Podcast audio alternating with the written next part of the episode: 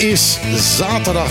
Het is 7 minuten over 12. Het is hoog tijd voor Op de Klippen op jouw mega-hit FM 101.1. Uh, en uh, we, gaan, uh, we gaan weer praten. En er is een boel om over te praten. Want, kan je wel zeggen, ja. Mijn... Er hoop gebeurt deze week. God. Wat een... Hele aardbevingen, politieke aardbevingen. Ik kan het ja. niet meer aardverschuiving noemen, maar het is gewoon een aardbeving met naschokken. Ja, heel zorgwekkend voor alle eilanden. Ja. Uh, dat, uh, dat dit gebeurd is. Maar goed, daar gaan we zo meteen uitgebreid over praten. Met uh, van alles en, uh, en iedereen. we hebben Wietse Koopman straks aan de telefoon vanuit Nederland. Die is stand te peden naar Nederland gevlogen. En, om te ja, gaan protesteren in, in Den Haag? een poging om daar in Den Haag nog iets van elkaar te krijgen. is het echt zo? Nee. nee, hij, wa hij, was er gewoon toevallig. al, maar ja, die heeft er nu ook... hè? Die heeft werk op, uh, op zijn bordje liggen. Uh, nou, verder krijgen we uh, Roxanne van Stinapa. Die komt vertellen hoe het eigenlijk gesteld staat met het RIF. Ja. Dat zal ook geen goed nieuws zijn. Komt ze nog met uh, Danique Merks nog mee? Of, nee, Judith komt mee. Judith komt mee. Oké, okay. nou dan hebben we twee Judiths. Nou ja, we gaan helemaal los. Want onze Judith is er ook. Ja, ik mag er weer bij zijn. Zaterdag tussen 12 en 2. Live met Michiel en Martijn. Wat een feest! Dit is op de klippen. 901.1.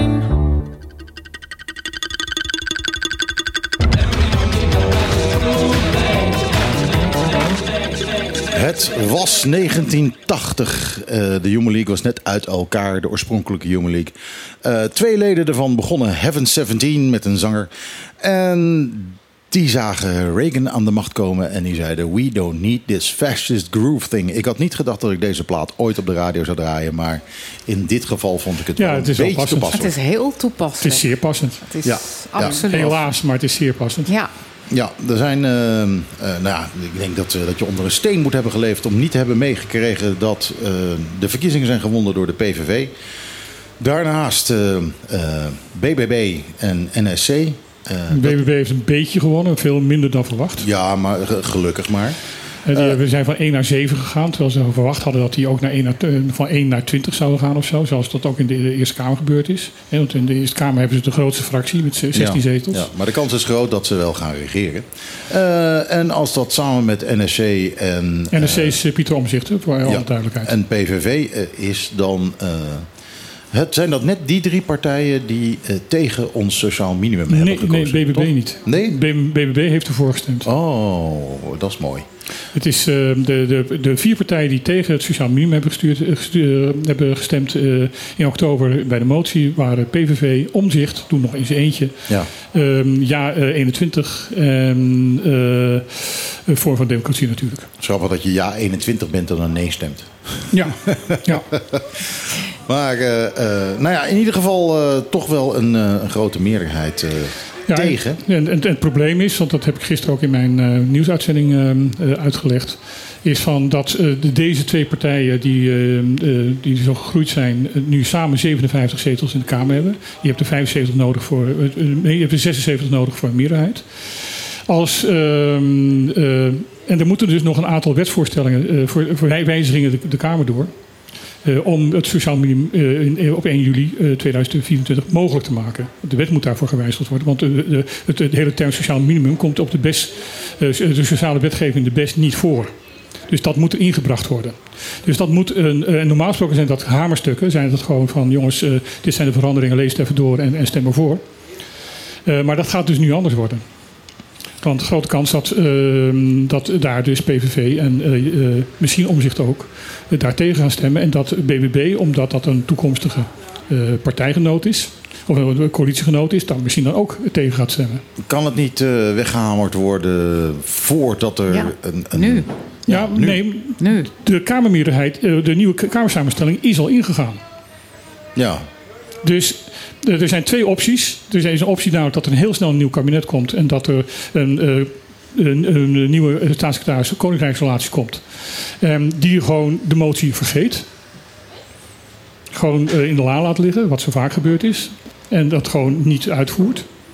De, als, als alles gaat zoals netjes hoort te gaan, ehm, gaat een nieuw kabinet het beleid wat door het oude kabinet en de oude Tweede Kamer is, eh, is voorgesteld en, en is aangenomen, eh, gaat dat uitvoeren. Normaal gesproken hoort dat. Maar eh, een minister kan dat gewoon vergeten te doen. Maar is het dan een kwestie van vergeten te doen? Of, want je zegt dat hoort. Ik zie aanhalingstekens. Ja, hele grote Ja, aanhalingstekens. maar dat hoort. Hoe, is dat ergens vastgelegd? Of is dit gewoon hoe we dat dan Het is, doen met het, elkaar? het is, eh, het is eh, ehm, eh, common sense en, en eh, eh, gentleman agreement van dat, dat een, een nieuwe regering niet het, eh, het, eh, de, de, de dingen die door een andere regering, een vorige regering besloten is, eh, weer gaat teniet doen. Nou, dan noem je ook wel meteen de woorden gentleman's agreement. En, en nou, laat dan maar zitten, inderdaad. En Het is een heel doen. negatief eh, opening nu, dit. Dus Eh, even. ja, maar te niet doen, eh, dat is eigenlijk alles wat wordt voorgesteld. Eh, Ja. PVV heeft niks anders, die heeft geen Nee, goede klopt. ideeën. Die hebben alleen maar dingen te niet doen. Ja, nou, ik denk dat dat het probleem van de PVV is. PVV heeft geen enkel. eh, en- en de PVV bestaat eh, in mijn optiek, en dat is mijn mening in dit geval geen feit. Um, even daarbij zeggen. ehm, de PVV bestaat uitsluitend uit ehm, het opnoemen van problemen. Ja, inderdaad. Het is gewoon de tegenpartij. ja, maar dat- letterlijk de tegenpartij. Wij zijn tegen. Ja, maar goed, dat hoort misschien ook een beetje bij oppositie voeren. En nu kom je dus aan de andere kant van de tafel. En dan ben ik wel heel Ik erg ook. nieuwsgierig ehm, wat dat is. Want ik hoorde, ik hoorde van alles. Maar over in één keer zeiden ja, zij wilde er, stel je voor dat ik inderdaad eh, minister-president word. Dan besef ik mij dat ik eh, minister-president word van alle Nederlanders. En toen ging hij dat rijtje noemen van ongeacht. eh, weet je wel, ras, geloof, gender, et cetera. Toen dacht ik, mm, oké, waar komt dit dan vandaan? Uit welke duim ga je nu zuigen? Of wat is dit? Wat, Ik heb, er heel veel, ik heb er heel veel gepraat met mensen, ook in Nederland, eh, vrienden in Nederland. En er zitten een paar bij die eh, heel politiek heel goed op de hoogte zijn, veel beter dan ik. Ehm, en die zeiden van, er, is, eh, er zijn twee mogelijkheden. Eh, of Wilders heeft alles wat hij zo principieel heeft geroepen, dat zijn eh, alleen maar eh, kreten geweest. Ehm, om veel stemmen te halen. En nu merkt hij van dat hij op een andere manier veel stemmen gaat halen. Dus hij zingt een ander liedje. Kan. Of het is een wolf in schaapskleren. Ja. Ik heb geen idee wat Ik er ook onder niet. dat we grote gaan- grijze kapsel eh, we- af en toe omgaat. Ik weet het niet. We, we gaan het meemaken. Ik bedoel, dat, dat is het probleem. Eh, Maar goed, duidelijk is natuurlijk wel... Kijk, we hebben het hier natuurlijk altijd over de meneer. In dit geval meneer Wilders. Maar het gaat om... en PVV is meneer Wilders ja, PVV. Hè? Nee, maar het gaat eigenlijk feitelijk niet om Wilders. Het gaat om al die mensen die gestemd hebben op hem. Ja, klopt. En ehm, kijk, we kunnen natuurlijk ook niet zeggen wel Wilders, eh, maar al die mensen die gestemd hebben op hem, eh, ja, die hebben dus nu A, bepaalde verwachtingen. Eh, die hebben denk ik teleurstellingen. Die hebben een bepaald beeld van, in dit geval, een Nederland waar zij eh, zich niet happy voelen. Ehm, en ik denk dat dat ook een hele belangrijke is. Ja. Ik weet, ik, ik heb ehm, expres ben ik de discussie aangegaan met een aantal mensen die, waarvan ik wist dat ze PVV gingen stemmen. Dat was voor de verkiezingen. Ehm, en ik merk bij heel veel mensen dat het vooral een proteststem is. Gewoon van, we Dat zijn niet tevreden. Ehm, eh, iemand die tegen mij zei van, ja, ik ga willen stemmen. Eh, ik ben compleet oneens met wat hij doet. Maar het is in ieder geval ehm, een, een signaal van dat het anders moet. Ik heb dat inderdaad ook wel gehoord. Ook wel vrienden van mij waarvan ik dacht: hé, wat gebeurt er? Die best wel nu zijn, eh, nee, ik benoem het dan maar, aan het verrechtsen. Ehm, en de argumenten die zij noemen op bepaalde zaken, denk ik: oké, ja, ik woon hier op Bonaire en ik ben niet meer in Nederland. En misschien zou, hè, dat beïnvloedt sowieso, denk ik, je stemgedrag. Eh, dus ergens kon ik mij bij een aantal uitspraken Ja. vinden. Ja, ik ook. Maar ja, ik, De consequentie eh, vond ik Dat niet. is dan inderdaad wel dat ik denk, oké. dus ik hoop maar dat het dit heel snel misgaat. En ja, als je dan opnieuw naar de stembus zou gaan, eventueel als dat mogelijk zou zijn... ja, dan ben je natuurlijk heel erg benieuwd wat dat dan oplevert. Want er zijn niet heel veel alternatieven. Dit Nee. is inderdaad een schreeuw om hulp of zoiets, of boos. Uh, maar goed, wat dan? Wat dan? En, um, ik heb jullie uh, ook het artikeltje van Ja. de correspondent gestuurd. Wat ik een van de beste artikelen vind over dit onderwerp van de afgelopen dagen. Um, waarbij de, de, de schrijver, de hoofdredacteur van de correspondent, zegt van.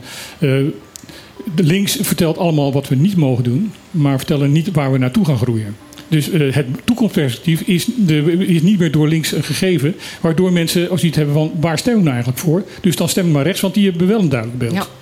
En ik denk dat dat een hele eh, eh, verstandige en hele slimme opmerking is. Ja, maar dat klopt. Ja, goed. En, en dan wonende op een van de drie eilanden. ehm, daar ben ik heel erg benieuwd. Hoe, wat, wat gaat dit dan betekenen voor, in dit geval, ons Bonaire? Nou ja, kijk, er zijn. ehm, ehm, nog van de week heeft, eh, heeft Alexander Verhuffelen nog net verteld. Ehm, heeft in een, in een vergadering van de, van de commissie Koningsrijksrelaties iemand van het PVV gezegd van ja, zet maar op, eh, op, eh, op marktplaats en aan de hoogste bieder. Dus die sentimenten naar, naar het Caribisch gebied, die, die, zijn nog steeds aanwezig bij de PVV. Dat is niet veranderd. Nee. En dat zal niet alleen bij BVV zijn. Maar goed, ehm, in hoeverre dat realistisch is... dan hebben we natuurlijk onze grote vriend de USA aan de overkant... die echt wel ervoor gaat liggen dat wij elders gaan. Die zijn als de dood voor andere landen, zoals in Venezuela. Ja. Die denkt van, dus hè, dat, is, dat kan een Wilders zeggen of een PVV. Maar dat gaat waarschijnlijk alleen al daarom niet gebeuren. Ehm, dat ja, ligt goed, dat geldt- buiten Nederland om zelfs, denk ik. Dat Nou ja, je kunt je afvragen, eh, hè, als Venezuela hier binnenvalt, zegt eh, Wilders dan wel van nou, je mag het hebben.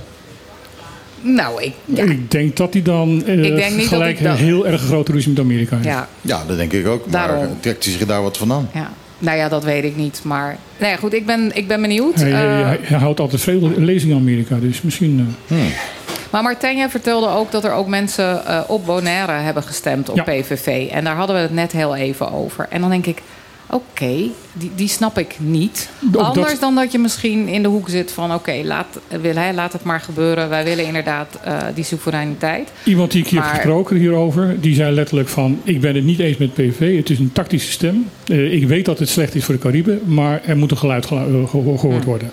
Oké. Wat voor geluid dan? Dat, het, eh, dat er geluisterd moet worden naar mensen die, on- die ontevreden zijn hoe het gaat. Kijk, ehm, de hoeveelheid eh, extreem rechts...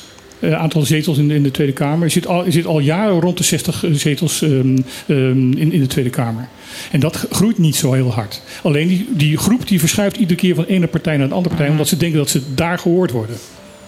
Ja, maar kijk, je schiet, je schiet er, als je op dit eiland zit, schiet je er niks mee op. Tenzij je het er helemaal mee eens bent dat de eilanden niet langer een stuk van Nederland moeten zijn. En je wil dat Bonaire eh Ja, en ik denk dat heel veel mensen aan die redenering niet eens toekomen van alleen maar van. eh, Oké, eh, Wilders heeft andere ideeën. Laat het er maar een keer doen. Laat het maar een keer zien. Ja, en, maar dat is toch een heel raar moment om dat te, om dat te doen. Op het moment dat je onder D66 en ChristenUnie nu eindelijk voor elkaar hebt dat je je, je bestaansminimum hebt. En dat de lonen omhoog gaan. Ja, dan ga maar je ik denk- daar ik toch denk niet dat er tegen mensen- stemmen. maar Dan ik ben je denk- toch niet goed in je hoofd. Ehm, Nee, ik vraag me ook inderdaad af hoe dan zo'n ik ben- gedachtegang Ja, tot ik ben heel komt. nieuwsgierig daarnaar. Ik bedoel, het is niet, niet, niet dat ik daar boos over ben, maar meer inderdaad heel erg nieuwsgierig van. En ik, daarom heb ik ook met mensen van de PVV-stemmers erover zitten praten. Omdat ik gewoon echt gewoon stront nieuwsgierig ben van hoe kom je hiertoe? En nogmaals, hè, ik ben eh, net terug uit Nederland. Daar hoor je ook verhalen van eh, hoe lastig het is om aan een woning te komen. Een vriendin van mij heeft twee kids, die lopen tegen de 30 aan. Die zitten nog thuis, want die krijgen geen woning. En vervolgens worden in dat hele kleine dorpje een, een, een, een rijtje woningen van containers gemaakt. Uber cute en schattig. Maar daar gaan inderdaad asielzoekers in. Ehm, op dat moment zegt mijn vriendin: Ja, hmm, wat ik moet ik hier nu van Ja, vinden? ja. En die twee jongens, die vroeger best wel heel links waren en natuur en bla bla bla, die worden nu ouder. En die zie ik verrechten, want die denken van: Ik ben aan het werk en eh, zij gaan er zomaar in. En waar is het dan op en waar zijn mijn rechten? Ja, ze gaan En een fucking ik, dat- container in. Daar, hebben, Ja. daar, daar, daar heeft hij helemaal geen zin in om, daar, om in hun plaats in die container te zitten. Nou, ik denk, Ik denk dat de woningnood zo langzaam wat De woningnood, dat is echt idioot Ja, in ja, Nederland. Dat ja. is werkelijk idioot. Ja. Een vriendinnetje van mij, of tenminste, een, een, een, een- een- ja, nou ja, vriendinnetje. Ik ken Judy mensen die gewoon zelfs op dit moment in een caravan wonen, omdat Ja. ze nergens, nergens anders in kunnen Ja, wonen. ja, Maar goed, dan ja. kan je beter in een container zitten hoor. En dat, maar dat is het gevolg van VVD-beleid. Ja. En eh, net zoals dat eh, die klimaatverandering de hele tijd maar een beetje op het tweede plan is geschoven, eh, is ook VVD-beleid. Nou ja, nu krijgen we dus eh, drie partijen aan de macht. Die, maar de die VVD is ook keihard afgestraft. Ja, dat is zo, zeker.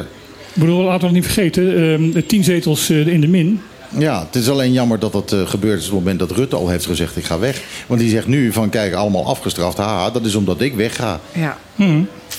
Maar alle regeringspartijen van de vorige kabinet zijn afgestraft. Ja. Ja, dat dus wat dat betreft eh, is er wel gerechtigheid. Want de, de, de, eh, de kiezer heeft daar laten weten van dat beleid was niet goed. Maar goed, dus- wat krijgen we nu? Nu krijgen we dus drie partijen die nog nooit geregeerd hebben. Mhm. Die eh, moeten het nu gaan doen. Eh, VVD heeft gezegd van allemaal leuk en aardig, maar wij gaan niet meedoen. We gaan geen verantwoordelijkheid nemen. Eh, eh, die weigeren van, ze eventueel een, eh, een, een, een gedoogverhaal. eh, Waarbij ze dus geen verantwoordelijkheid Ja. hebben, inderdaad. Ik- ik Dus hoor daar heel Met negatieve- woorden, het is dus gewoon, ga, zoek het maar uit. Je weet niet hoe het moet. Ik, ik Eh, ga nu opkomen voor de VVD. Bizar, maar ik ga dat doen. Ehm, er wordt heel veel gezegd van eh, laffe daad. eh, wat, wat kunnen ze... Nee, het was het enige wat ze konden doen. Ik denk dat het een hele slimme zet is. En ik denk dat het een hele verstandige zet is. Want ehm, ik denk punt één dat er een, een, een behoorlijke conflict is in de, in de eigen fractie.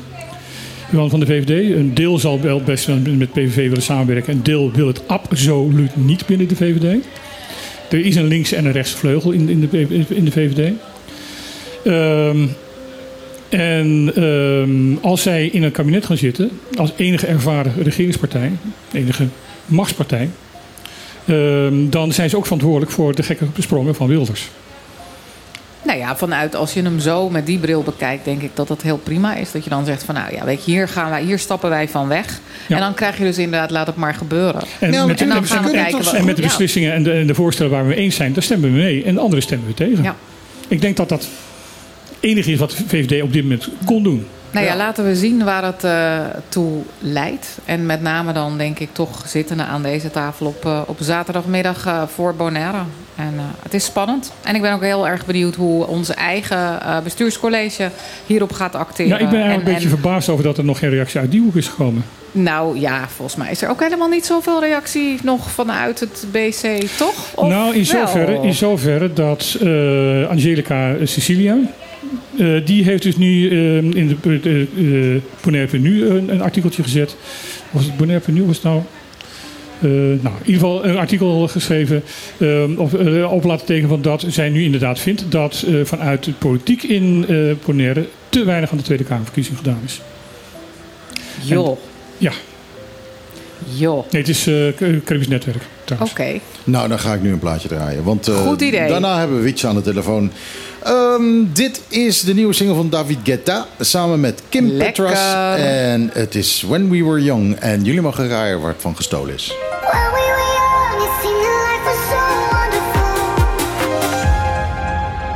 Er zijn geen melodieën meer, mensen. De muziek is op. Het enige wat er nog kan gebeuren is dat we oude liedjes hebben... en die gaan we opnieuw opnemen met een beukend beatje. Ja, eronder. en een ander titeltje en een andere artiestje en, eh, en een andere eh, beat, eh, beatje eronder. En eh, dan eh Ja, een smurf laten zingen, dat, we, dat hoor je wel. weet je, vader Abraham-achtig. Dat, eh, Toch vind ik hem lekker. Oké, sorry. Ik ben heel eerlijk. Ik, vond het, eh, ik vind het wel klinken. Zo Ik vraag lekker, haren ik in de vraag me wind. Af, hè? Ik vraag me af, als je nou... eh, als je die plaat nou hebt, hè? Eh, Want dat- dat stemmetje, dat gaat dat is volgens mij omhoog gepitcht. Even kijken, hoor.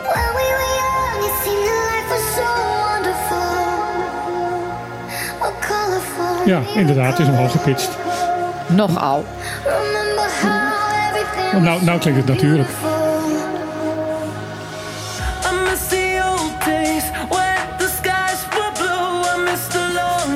Ja, dat is dus wat het was, maar- Ik denk dat je dit uit moet gaan brengen, Michiel. Ja. Dit is, eh, waar we hebben het gewoon niet over nu. Bij deze. Die langzame versie. Ja, of de ja. langzame De versie. versie vind ik leuker. Ja, Ja, we kunnen absoluut. na de uitzending kunnen jullie het allemaal laten weten. En dan gaat Michiel vast dit nog een keer Ja, voor maar ons. ik- eh, ik Niks te doen, ik hoef hem alleen maar laag te pitchen. ja, ik, ehm, is nog lekkerder, Michiel. Hij is nog Hij is lekkerder. lekkerder, absoluut. Hij is, eh, nou, hij is 126 bpm zo, dus dat kan eigenlijk ook nog wel. We hebben iemand aan de telefoon hangen die eh, misschien dat Oh ook- ja, oh ja. eh, Wietse, wat vind jij ervan? Wietse? Wietse. Ja, nou, bijzonder interessant om eh, te kijken hoe je op een hele simpele manier iets ouds weer nieuw kunt maken. En dat is eh, iets wat eh, in Nederland op dit moment ook is gebeurd. Mooi bruggetje. Oh. Mooi bruggetje. Wauw. We, we- we weten weer waarom we Wietse in de uitzending wilden hebben. Ja, Wietse, eh, Ja, wat, eh, ehm, wat vind jij ervan? Wat, eh, eh, want dit is volgens mij vrij slecht. eh, eh, dit belooft niet veel goeds, laat ik het zo zeggen, voor eh, onze gevechten voor gelijke behandeling. Nee, nee, nee. Nou, gelukkig hebben we de grote slag al eh, geslagen voordat de verkiezingen waren. En dit maakt me extra blij natuurlijk. Want eh, ja, ik denk dat onder een, een regering Wilders dat dit eh, niet gelukt zou zijn.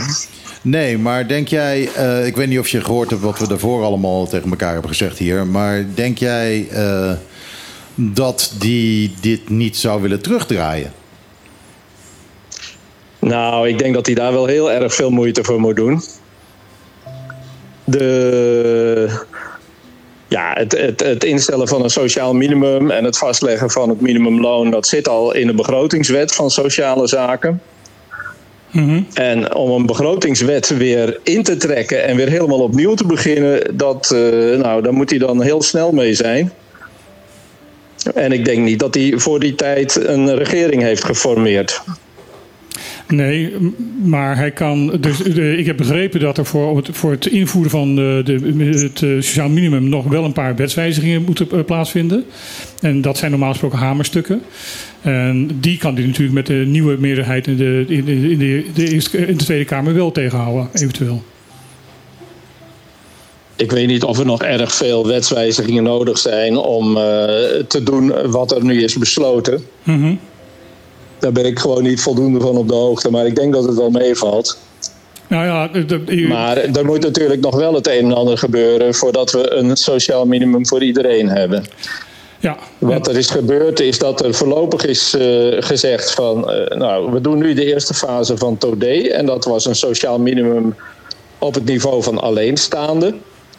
En eh, als je dat ook op het niveau van gezinnen wil hebben met kinderen, dan moet er nog van alles gebeuren. Ja, de, de, de ombudsmannen hebben, eh, of eigenlijk de ombudsman en de kinderombudsvrouw, hebben ook gezegd van jongens, dit is een heel leuk begin geweest, maar we zijn er nog lang niet. We zijn er inderdaad nog lang niet. En eh, ja, onder de, onder de oude constellatie was het natuurlijk zo dat daar een, een voornemen was om dat allemaal toch te gaan regelen. Mhm. En eh, dat, eh, dat eh, zou nu wel eens op de lange baan kunnen worden geschoven. Ja. Maar goed, dat is ook een van de redenen waarom Onkelbon heeft gezet van nou, dit is wel een hele mooie grote stap. Mhm. Maar we zijn er nog niet. En we, we kijken het nog eens even aan voordat we die rechtszaak gaan intrekken. We hebben hem dus voorlopig opgeschort. Dus dat heb je ook nog als, als dreigmiddel achter de hand. Van als inderdaad de, Nederlandse regering, de, nieuwe Nederlandse regering zegt. of de nieuwe Tweede Kamer zegt van nou we gaan het allemaal niet doen. Van jongens, houd er rekening mee. We hebben nog steeds die, die rechtszaak. En die kunnen we gewoon weer eh, uit de mottenballen halen en, en, en mee, mee doorgaan. Ja, dat, eh, dat kunnen we zeker doen. En dat eh, zullen we ook zeker doen als blijkt dat er, ja, dat, dat, dat er enorme terugtrekkende bewegingen worden gemaakt. Maar je hoeft niet bang te zijn dat het minimumloon eh, per 1 juli dat dat eh, eh, nu nog zal worden aangetast. Daar geloof ik eigenlijk Nou ja, ik hoorde berichten dat dat, dat dus, nog wel eh, behoorlijk op losse schroeven staat. Dus vandaar dat ik daar ook over bericht heb. Maar dit is een van die berichten waar ik heel graag ongelijk in krijg. Ja, nou ja, ik hoop het ook, Martijn. Dat, eh, en, en ik denk ook dat de trein eh, richting eh, dat station, dat die niet meer te stoppen valt. Ja, ik, ik, ik, ik, hoop het heel erg. Ik hoop heel erg inderdaad dat dat inderdaad zo is. Dat, dat inderdaad de- dat niet meer teruggedraaid kan worden. Ik wist niet dat het al inderdaad in de begroting, de wet- wetgeving is, is, is opgenomen voor 2024. Dat, dat wist ik niet. Ja, wat er, wat er, in, 20, of wat er in oktober is gebeurd, hè, en ik meen ergens de 24ste of zo, is dat er een amendement is aangenomen met die grote meerderheid, waar dus ook de VVD in zat, waar eigenlijk alle grote partijen in zaten. Gek genoeg zat Pieter Omtzigt daar niet bij, die, eh, die stemde tegengestemd. tegen. Ik heb geen idee waarom. Ja, er, er waren maar, waarom, er waren vier partijen die tegen, ja, er waren maar vier partijen die tegenstemden. Dat was eh, eh, PVV, eh Vorm van Democratie, Pieter Omzicht en Ja 21. Ja, en Pieter Omtzigt die paste eigenlijk niet helemaal in dit rijtje. Want die heeft het eh, bestaansminimum toch heel belangrijk in zijn, eh, in Ik zijn- heb begrepen zijn dat zijn- verkiezingsprogramma staan. Ik heb begrepen dat zijn En- motivatie om tegen te stemmen was omdat dat hij het te snel vond gaan en dat dit slecht voor de ondernemers van Bonaire wa- was. Ja, nou ja, daar hebben ze natuurlijk ook die compensatieregeling voor bedacht. Mhm. Eh, dat, dat ondernemers eh, gecompenseerd moesten worden. En daar zit dus ook voor 4,5 miljoen dollar ongeveer aan compensatie in, 4,2 miljoen euro. En eh, ik, ik denk dat, mocht dat niet voldoende zijn, omdat dat een beetje onhandig verdeeld is geraakt door het ministerie van Sociale Zaken. Ik denk dat daar dan wel iets aanvullends in de begroting zou moeten gebeuren. En daar zou je natuurlijk wel wat tegengas kunnen krijgen. Maar zeker als Pieter Omtzigt denkt dat het slecht is voor ondernemers en dat hij die wil beschermen, dan zou hij juist die compensatie wat meer gericht moeten laten gaan. Ja, nou, mee eens. Ehm, nou ja, ik, ik, je, je, je stelt ons wel enigszins gerust van dat inderdaad de, de, de trein al zover gereden is dat er waarschijnlijk niet meer te stoppen valt. Ehm, ik, ik heb ook al begrepen dat ehm, het, de, het niet invoeren van het verhoogde minimumloon, dat dat inderdaad bijna niet meer te stoppen is. Omdat daar inderdaad al begrotingen en, en, be- en al budgetten al voor, voor gereserveerd zijn. En dat dat ook dingen zijn die als ehm, de formatie lang gaat duren, de demissionair eh, minister van Armoedebestrijding, eh, Schouten, gewoon mag doen, omdat daar al beslissingen over genomen zijn. Dat is gewoon uitvoerende regelingen. Maar het- dat er nog wel onzekerheid is of inderdaad ook dat sociaal minimum echt eh, wettelijk geregeld gaat worden. Het sociaal minimum dat, eh, is in, eigenlijk nooit wettelijk geregeld. Mhm. Ook in Nederland niet. Eh, het is gewoon een sociaal minimum wat wordt omgezet in een minimumloon. En afgeleid daarvan allerlei uitkeringen. Mhm. En eh, er, zijn dan wel, eh, er zijn dan wel bedragen in Nederland. Want in Nederland is het sociaal minimum eh, gebaseerd op een minimumloon wat voldoende zou moeten zijn voor een echtpaar. Mhm. En de uitkeringen die daaraan hangen, dat is dan een percentage daarvan. Ja, ja. Nou, in, omdat op Bonaire het minimumloon gebaseerd is op het sociaal minimum van een alleenstaande, hebben ze bedacht van nou, dan moeten we in plaats van 70% van dat minimumloon, moeten we maar 85% van dat minimumloon nemen als, eh, als, als norm voor de onderstand. Mhm. En daarnaast zouden er nog allerlei kostenverminderende maatregelen moeten worden genomen. Maar goed, voor een deel staan die ook al in de begroting. Dus die zullen ook voor een deel worden uitgevoerd. Mhm. Dus ik denk dat op korte termijn eh, dat we nog niet zoveel te vrezen hebben. Maar op langere termijn, als het gelijkwaardig moet worden aan het eh, sociaal minimum van Nederland. Daar eh, zitten nog wel wat haken en ogen. Maar als ik zo de motivatie hoor van omzicht, zoals jij die verwoordt, dan denk ik dat daar op zich ook nog niet eens al te hoge drempels hoeven zijn. Mhm. Want ik denk niet dat eh, het rechtvaardigheidsgevoel wat Pieter Omtzigt wel degelijk eh, Ja, heeft, ja. want daar heeft hij wel blijk van gegeven, eh, dat dat voor hem aanleiding is om te zeggen van nou het hoeft niet gelijkwaardig aan dat van Nederland te zijn. Mhm. Nou ja, als, als hij zijn, zijn, zijn verkiezingsprogramma, zijn verkiezingsprogramma trouw blijft, als hij zegt wat, doet wat hij zegt in, in zijn verkiezingsprogramma, dan zou hij inderdaad ook alles wat hier gebeurt moeten steunen.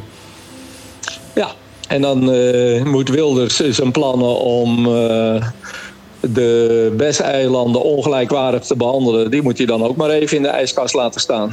Nou ja, goed. eh, Van Huffel heeft net verteld van dat er afgelopen week in de, een van de eh Koningsrijksrelaties vergaderingen door iemand, van de PVV nog heeft voorgesteld om de eilanden maar bij eh, Marktplaats te zetten. Dus de, de, hun standpunt is heel duidelijk wat, wat, wat dat betreft. Ja, hun standpunt is wat dat betreft ook heel erg voor de buren natuurlijk. Ja. Dat dus klopt. eh, ja, het hangt er helemaal vanaf. Kijk, hij heeft natuurlijk eh, met zijn 37 zetels eh, nog steeds lang niet genoeg om een regering te vormen. En dan hangt het maar van zijn coalitiepartners af in hoeverre die het belangrijk vinden om, om onze eilanden te gaan discrimineren. Mhm. Ja. En ik denk eerlijk gezegd dat eh, als ze een beetje ballen hebben, dat ze dat eh, niet gaan doen. Nou ja, goed. eh, Van de BBB dacht ik eventjes van, moeten we daar veel van verwachten? De manier waarop Van der Plas, nou ja, bijna ja, laat ik het netjes houden. Eh, stond te springen om, om, om, daar, ja, om daarin mee te doen. Ehm, is zij waarschijnlijk wel bereid om heel veel concessies te doen om maar mee te mogen regeren? Ja, maar goed, het, eh, de tijd zal het leren. Ik ben, eh, ik ben altijd manisch optimistisch geweest. Vandaar ook dat we met de onbewonnen rechtszaak zijn begonnen. en ik denk dat we dat... Dat, dat, Ja, hou dat vooral vol, eh, vibe- hou dat vooral vol. Dat we die, die positieve vibe ook moeten vasthouden. Dat, en niet bij voorbaat al te denken dat we de strijd verloren hebben. Nou ja, het is goed weten waar je tegen moet strijden. Dat, dus het is wel goed om het te benoemen. Nou, ik ben Ja, wel blij ja, met maar het... we moeten met- ook weer niet. eh, ja, we moeten ook weer niet al te bang zijn. We moeten ook niet bang zijn om eh, ons aan allerlei uitspraken uit het verleden te, eh, om ons daardoor negatief te laten beïnvloeden. Nou ja, ik, ik sluit me aan wat, wat Michiel een moment in een privégesprekje, zo, eh, wat wij als redactie eh, van het programma zo door de week hebben. Toen ik inderdaad kwam van ja jongens, het zou best wel eens een keer kunnen van dat de, de zaak op los, losse schroeven staat. Ehm, was zijn reactie, en daar sluit mijn hart van aan, dan moeten we de barri- barricade op. Ja, absoluut. Ja, dat Eh, moeten we zeker. Ja. ik, ik heb een goed idee. Als wij nou gewoon Nederland op marktplaats gaan zetten. Wij als Caribische Voor- eilanden. Ja, Ja, Wij, wij gewoon Ja. Nederland op de op marktplaats zetten voor de hoogste bieder. Ja, en van het geld kunnen we en de eilanden eh, een behoorlijke lange tijd wel eh Ja, dat denk ik ook wel. Ja. Dat denk ik ook wel. Laten we dat gaan doen. Ja, maar ja, ik vraag me af eh, als, er, eh, als er gebeurt wat, eh, waar, waar, waar heel veel mensen bang voor zijn. Dan vraag ik me af of je er nog een grijpstuiver voor krijgt voor dit land. Daar Ja. moeten we ook heel veel haast maken met die verkoop. Nou, we moeten gewoon even kijken waar meer, meer te verdienen valt. Maar volgens mij valt er echt meer te verdienen als we Nederland verkopen... dan wanneer we eh, de Antillen verkopen. Dat weet ik bijna zeker. Wietse, hartstikke bedankt voor je tijd. Eh, wij gaan eh, Ja. weer eens een plaatje draaien, want we gaan weer eh, richting het hele uur. En dan moeten we weer reclameblokjes draaien en zo. Dus eh, eh, vandaar. Maar eh, bedankt voor, jou, eh, voor je positieve... eh, Je manisch positieve Ja, houding. Ja. manisch positief. en ja, ik, eh, oké, ik- succes met het programma verder. Dankjewel. dank je. Wij zullen ons erin vastbijten.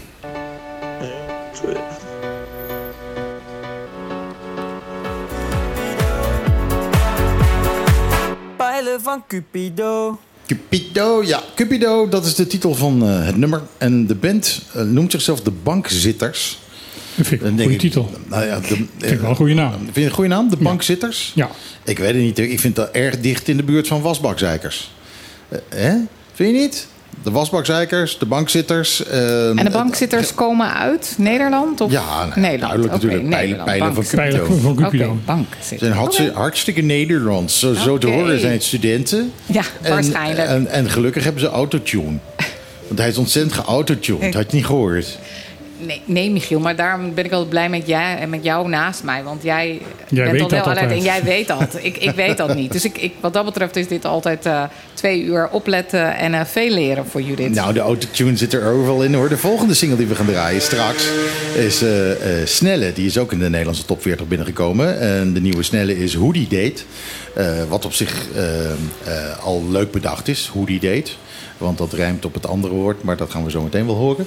Eh, en eh, ja, ook Snelle die zingt met de gratie van de autotune. Ja, die gaat heel snel autotune. Dan moet je zo meteen maar even luisteren. Dat komt wel goed. Maar eh, nee, laten we eerst een klein beetje nieuws gaan bekijken nog. Voordat we het reclame ding gaan doen. En dan zal ik daarvoor sneller draaien. Dan eh, kun, je, kun je daarna, tijdens de reclame, kunnen wij erover praten. Over hoe schandalig die eh, autotune wel niet is. Die ik overigens net gekocht heb op eh, Black Friday. Maar dat terzijde. Ben je Ehm, erin getuind in die Black Friday massa-hysterie? Nee, nou ja, eh, het is heel eenvoudig. Eh, gewoonlijk zou ik daar eh, iets van 180 dollar voor betaald hebben. Nu deed ik het voor 85. Dus dan denk ik van nou, Dus het klopte inderdaad. ik was goedkoper uit. Ja hoor. Oké, ja, want gisteren, ik weet een verhaal van iemand die had iets gezien bij een winkel hier. En die was helemaal, ah, dat ga ik kopen. En toen zei weer eer, iemand anders, lekker ingewikkeld. Zal ik eens even kijken op Amazon.com? En die zei, ik zou niet naar die winkel gaan. Jij moet even bestellen op Amazon.com. Dus Ja, dat ging goed. dan over de Black Friday hysterie. dit, dit, Vandaar dat ik dit daar zijn winkels dacht. buiten het eiland. Dus Ja. dan, eh, dan is dan. Ja, ik Ja. heb gisteren ook nog wat gekocht eh, wat, eh, van Black Friday. Daar had ik eh, 25% korting op. Ja. En, Nee, maar dat is leuk. Maar laten we inderdaad even ons hoofd erbij houden. Want ik zag gisteren wel allerlei chaos. Ja. Ook op Bonaire. Dat ik werkelijk dacht... serieus zit je nu in die bak te graaien van die t-shirts die echt volgens mij al drie jaar op die Black Friday in die bak liggen. Voor whatever. Maar Ja, goed, ja, ehm, maar goed, dat- dat, dat is- terzijde. kijk, Black Friday is geweest. De kosten hier zijn natuurlijk eh, ja, 50% hoger dan eh, elders eh, in, in het buitenland. Klopt. En dan krijg- je daar 25% korting op. Jee. Heel lekker. Maar ja, dan kun je inderdaad beter eh, Amazon. Het is gewoon een programmaatje. Een Ja. programmaatje dat, dat, dat wordt ja, een plugin die in mijn runnende programmaatje wordt ondergebracht. Nou, en dan kan opeens niemand meer vals zingen. Dat is best leuk. Dat lijkt me heel leuk. Ja, kom je ook een keer een liedje zingen? Ik kom ook een keer een liedje zingen. Dat is jaren geleden. Ik heb ooit inderdaad een half jaar toneelacademie gedaan. Nee, een jaar. En eh, ik heb dus ook zangles gehad. Maar ik denk niet dat mensen gelukkig gaan worden van als ik ga zingen. Dus, Waar heb je maar- toneelacademie in Maastricht? Nee, Amsterdam. Amsterdam. Oh, de tone- toneelacademie. Oh, je kan acteren, wat leuk. Ja, dat zeggen mensen. Joh. Nou, daar zullen we eens eh, gebruik van maken tegen die tijd. Ik zie in onze actuele lijst... Trouwens, eh, eh, hoe heet die, eh, de acteur die overleden is? is er een acteur overleden? Ja, god, ben ben ik alweer. Heb ik wat gemist? Ja. Nederlands acteur? Een Amerikaans Nederlands acteur? acteur. Helmert. Oh gosh. Ik heb hem laatst nog in een Ik- prachtige voorstelling gezien. Ehm, Oké, nou? dit is leuk voor de luisteraar thuis. Ik heb het gemist. Leuk dat Ja, geval, Ja, een uit- uitspraak van hem is dus van... ehm, ik kan acteren, want ik heb nooit een eh, opleiding voor gehad. Klopt. Maar, zoals zoveel. Zoals zoveel. zoveel. Zoals zoveel. Maar goed, eh, even dit... Als je eh, kan rappen kun je ook acteren tegenwoordig, heb ik gemerkt. Maar dat terzijde. Goed, eh, als ik kijk naar de actuele lijst die Ja. we hier hebben... staat hier in, in hoofdletters tegenvaller van 8,8 miljoen... bij zorguitgaven in Caribisch Nederland. Dat klinkt wel zorgwekkend. Ja, is eh, voornamelijk eh, veroorzaakt door de uitzendingen. Eh, naar, naar ziekenhuizen in de regio, waaronder Colombia. En de farmaceutische zorg. Daar is eh, ehm, meer uitgegeven dan, eh, dan begroot was. Ehm, zorg heeft een, ehm, een budget van 234, 24 miljoen. En daar zijn ze 8,8 miljoen overheen gegaan, omdat het vaker dan verwacht is uitgezonden naar de andere ziekenhuizen. Over welk jaar spreken we nu? Wij spreken over vorig jaar. 22. Ja, want we zijn nou eenmaal tien keer zo ziek eh, als dat ze in Nederland zijn. Oh, dit, dit, dit jaar gaat het. Nee, het is, gaat over dit jaar. Het is een verwachting dat het dit jaar. Dat is een verwachting. 2023. Ja, 2023. Eh, daar gaat het over. Dat, eh, de, men, men gaat er nu van uit dat het eh, eh, 8,8 miljoen hoger uit gaat komen. Maar is dat niet gewoon, hè, wat ik net zeg, dat ze, dat ze ervan uitgaan dat wij ongeveer net zo gezond zijn als de Nederlanders? eh, Nou ja, het probleem is dat In inderdaad Europa- budgetten in worden. Dat, wij- daar zijn we ook al een paar keer achter gekomen. Dat budgetten voor de zorg in de Cariben worden helemaal gestoeld en helemaal eh, gebaseerd op eh, de normen die vanuit Nederland bekend zijn. ja, maar niemand houdt er rekening mee dat we hier door, die, eh, nou ja, door, door het feit dat we allemaal te arm zijn, dat we hier gewoon tien keer zo ongezond zijn. Ja, niet alleen omdat arm zijn, hè, want het heeft ook een aantal genetische eh, factoren. Ja, genetische factoren houdt in mensen die al eh, generaties lang te arm zijn. Ja, dus eigenlijk hetzelfde. ja, Dus het is gewoon, gewoon jarenlange Ja. verwaarlozing van de eilanden. ja verwaarlo ik bedoel, verwaarlozing vanaf de, de slaaftijd en daardoor ook genetisch geworden. Ik denk dat het inderdaad best eh, complexer in elkaar zit dan dat, we, dan dat je nu dat zinnetje eh, leest. En ik meen ook te weten dat als je kijkt naar de farmaceutische industrie, dat is daar een enorm tekort wereldwijd. Ja. Dus en als er dan wat is, dan gaan we hem lekker zes keer over de kop gooien in plaats van wat we anders drie keer doen. Ehm, dus ik denk dat dat er ook, ontzettend in gaat Ja. hakken. En je zou ook kunnen gaan bedenken van hoe ga je dan met je budgettering? Ja, ik weet het niet hoor. Mijn huishoudboekje is ook elk jaar in januari moet ik een beetje bijstellen. Dus ik weet niet hoe ze dat hier doen.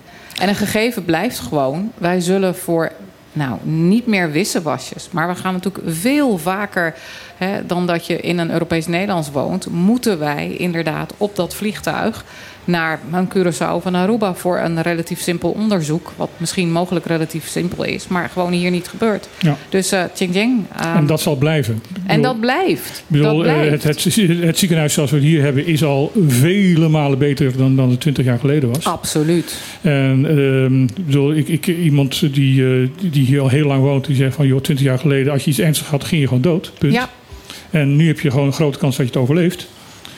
Eh, Maar twintig jaar geleden kon je ook drie keer per week kon je naar Curaçao eh, voor je nierdialyse. Ja, daarom. Ehm, en en ehm, dat, dat is dus allemaal wel verbeterd. En nierdialyse kan inderdaad hier en, ehm, en zelfs zeer succesvol. En, en zeer goed. En, en godzijdank dat het kan. Want eh, je hebt natuurlijk geen leven als je drie keer per, per week naar uh, Curaçao moet om daar een, een tijdje aan de, aan de slangetjes te liggen. Ehm, dus, dus het is wel enorm verbeterd, maar het is een klein eh, ziekenhuis. Ehm, eh, zo klein dat het in Nederland geen bestaansrecht zou hebben. Klopt.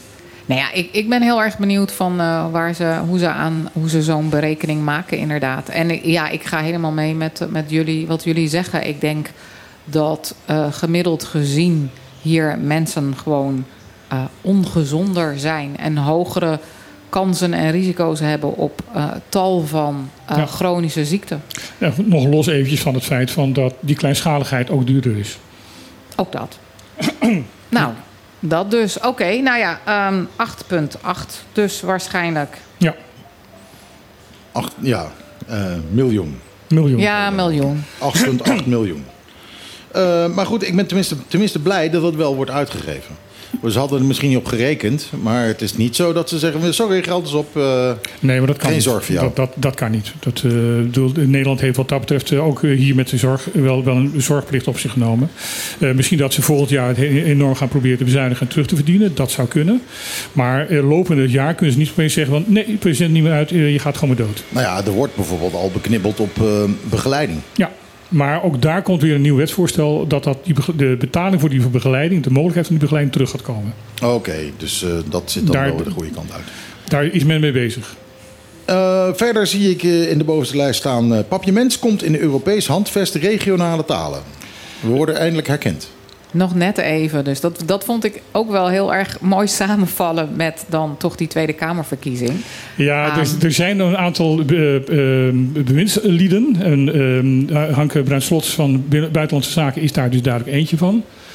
Eh, die eh, zeggen van, van jongens, op het laatste moment nog eventjes datgene wat voor mij belangrijk is, even door. En dit vond ze duidelijk dus belangrijk. Ehm de Papiermens is al eh, opgenomen in het handvest regionale talen of talen voor minderheden. Alleen viel onder categorie 2, of eh, sectie 2. En dat is alleen maar dat het erkend wordt, maar dat er nog niet echt actie voor wordt ondernomen. We- gaan dus nu, als alles goed gaat en het aangenomen wordt in de Tweede Kamer, dan eh, gaan wij eh, nu naar eh, de, kat- of de, de sectie 3. En dat betekent dat er ook actief de zaak eh, ondersteund gaat worden. En ook actief dus eh, eh, ja, promoot gaat worden dat het actief gebruikt wordt eh, op Bonaire. Maar ook in Europees Nederland. Dat het ook een erkende taal wordt in Europa. En klopt het dan, want ik heb het een beetje gescand, ik heb het bericht niet goed gelezen, dat dit inderdaad geldt alleen maar voor Bonaire en Nee. niet voor Aruba en Curaçao? Aruba en Curaçao, ehm, ja, het geldt dus voor Bonaire. Het geldt binnen Nederland. Zowel Europees als Caribisch Nederland. Oké. En eh, Brian Slot zegt van, eh, we hebben het ook voorgesteld of, om Cu- Curaçao en Aruba ehm, eh, mee te doen. Daar hebben ze niet op gereageerd. Helder. Dat is ook wel Dus het wordt een keuze. Zie, zie, zie. Dus het was, maar dus het wordt een keuzevak. eh, als ik dan eh, inderdaad in TT Extra deel op school zit, dan kan ik gaan kiezen voor Papiamento. Ja, in zoverre, in zoverre van eh, Fries wordt ook niet in Limburg eh, ehm, eh, gegeven op school. Eh, Nee, maar misschien dan wel in Den Helder. Maar er zijn- er zijn wel Rotterdam. Er Of- zijn een paar universiteiten in Nederland die Fries als, eh, als, als, als taal, ehm, studietaal hebben. Dus dat, dat, je, dat je Fries kunt studeren. Je kunt Fries studeren. Oké. Dus waarschijnlijk gaat er dus ook in de toekomst, eh, dat is ook het, het plan, het idee, eh, universitaire en, eh, ja, en ook wetenschappelijke studies komen vanuit de universiteiten naar Papiermens. Ik weet wel dat twee jaar geleden of zo was er een groep studenten vanuit een universiteit Duitsland die Papimento studeerden. En die waren op studiereis op Curaçao. Dat was, vond ik bijzonder. Ja, Ja, dat vond ik leuk. bijzonder. Heel, leuk. Oh, Oké. Ja. Ehm, dus het is mogelijk. Ja. Oh, Piepon. Ja, zoiets. Ja, zoiets. Goed, ik ga nog een plaatje draaien. Dat is Snelle eh, met Hoodie Date. En luister nou maar eens even heel goed Dit was die naar die autotune. autotune. Ja, ja, een autotune, wat het dus doet, is het pakt wat jij zingt en legt het recht boven, bovenop de juiste noot die het moet zijn. Maar het is zo strak op die noot dat je daar herkent dat het autotune is. Ja. Ik ga nu luisteren.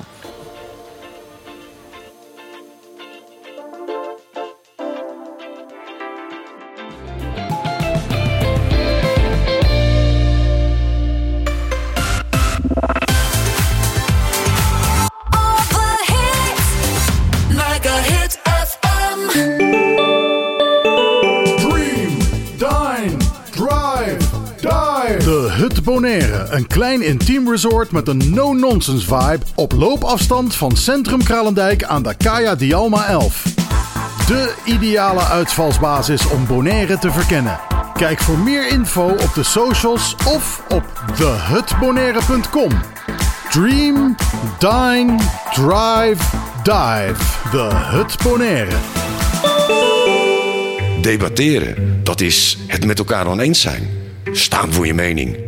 Maar respect hebben voor elkaar en samen zoeken naar de waarheid. Zaken die onverbrekelijk verbonden zijn met het fenomeen dat wij democratie noemen. Maar die democratie moet beschermd worden. Vrijheid komt niet vanzelf. Daarom is voor de Partido Democratico Bonaireano de onafhankelijkheid van de pers heel belangrijk.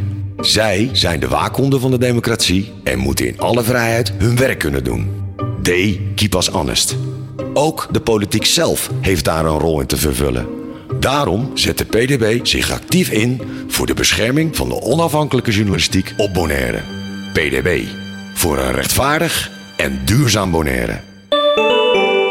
Ontdek Bonaire Automation. Al 18 jaar jouw vertrouwde lokale partner voor ICT en beveiliging. Als HP-partner hebben we de nieuwste apparatuur en alle gangbare inkt- en toner cartridges van HP op voorraad. Daarnaast zijn wij ook gespecialiseerd in geavanceerde beveiligingssystemen.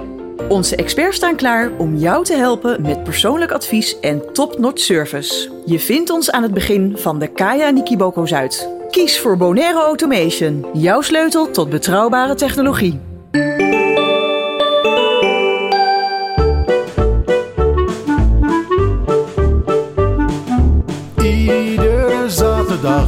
Tussen 12 en 2. Live met Michiel en Martijn. Wat een feest! Dit is op de klippen. 901.1. Ja, daar zat ook autotune in, hè? Hoor je dat? Ik heb het gehoord. Het is heel leuk voor de mensen die dit niet kunnen zien. Ik krijg eh, een beetje les, Les. in autotune. dus dan gaan die vingertjes omhoog en in de lengte. Ehm, en dit is inderdaad echt heel erg grappig. Volgens mij Als, houdt als je het één keer hebt gehoord, bezig. als je het één keer hebt gehoord, dan hoor je het overal. Waarschijnlijk nu, ja. Leuk. Het is, het is een klankje, een, een geluidje in, in het geluid, eh, in, in, de, in de muziek en, en in die stem.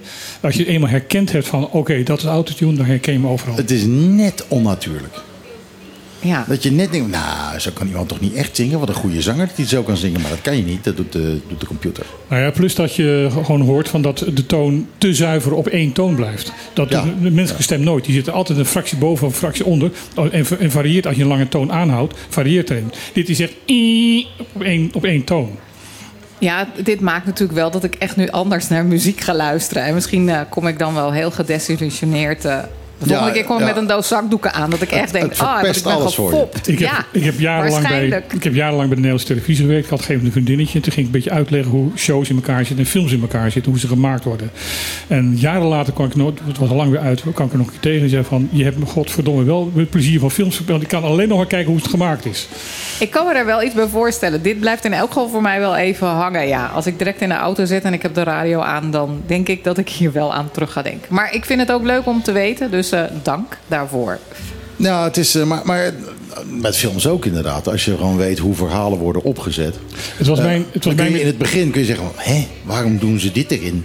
En dan weet je al heel gauw, oh, dat gaat terugkomen. Ja. Eh, en dat is ook altijd het geval. En dan, heb je, eh, dan, ja, dan wordt een film soms wel eens helemaal verpest voor ik je. heb, ik heb 13 jaar lang van de Nederlandse soaps gewerkt. Onderweg naar morgen, goede tijden, slechte tijden, Lotte, eh Goudkust. Alle ellende. Alle- alles.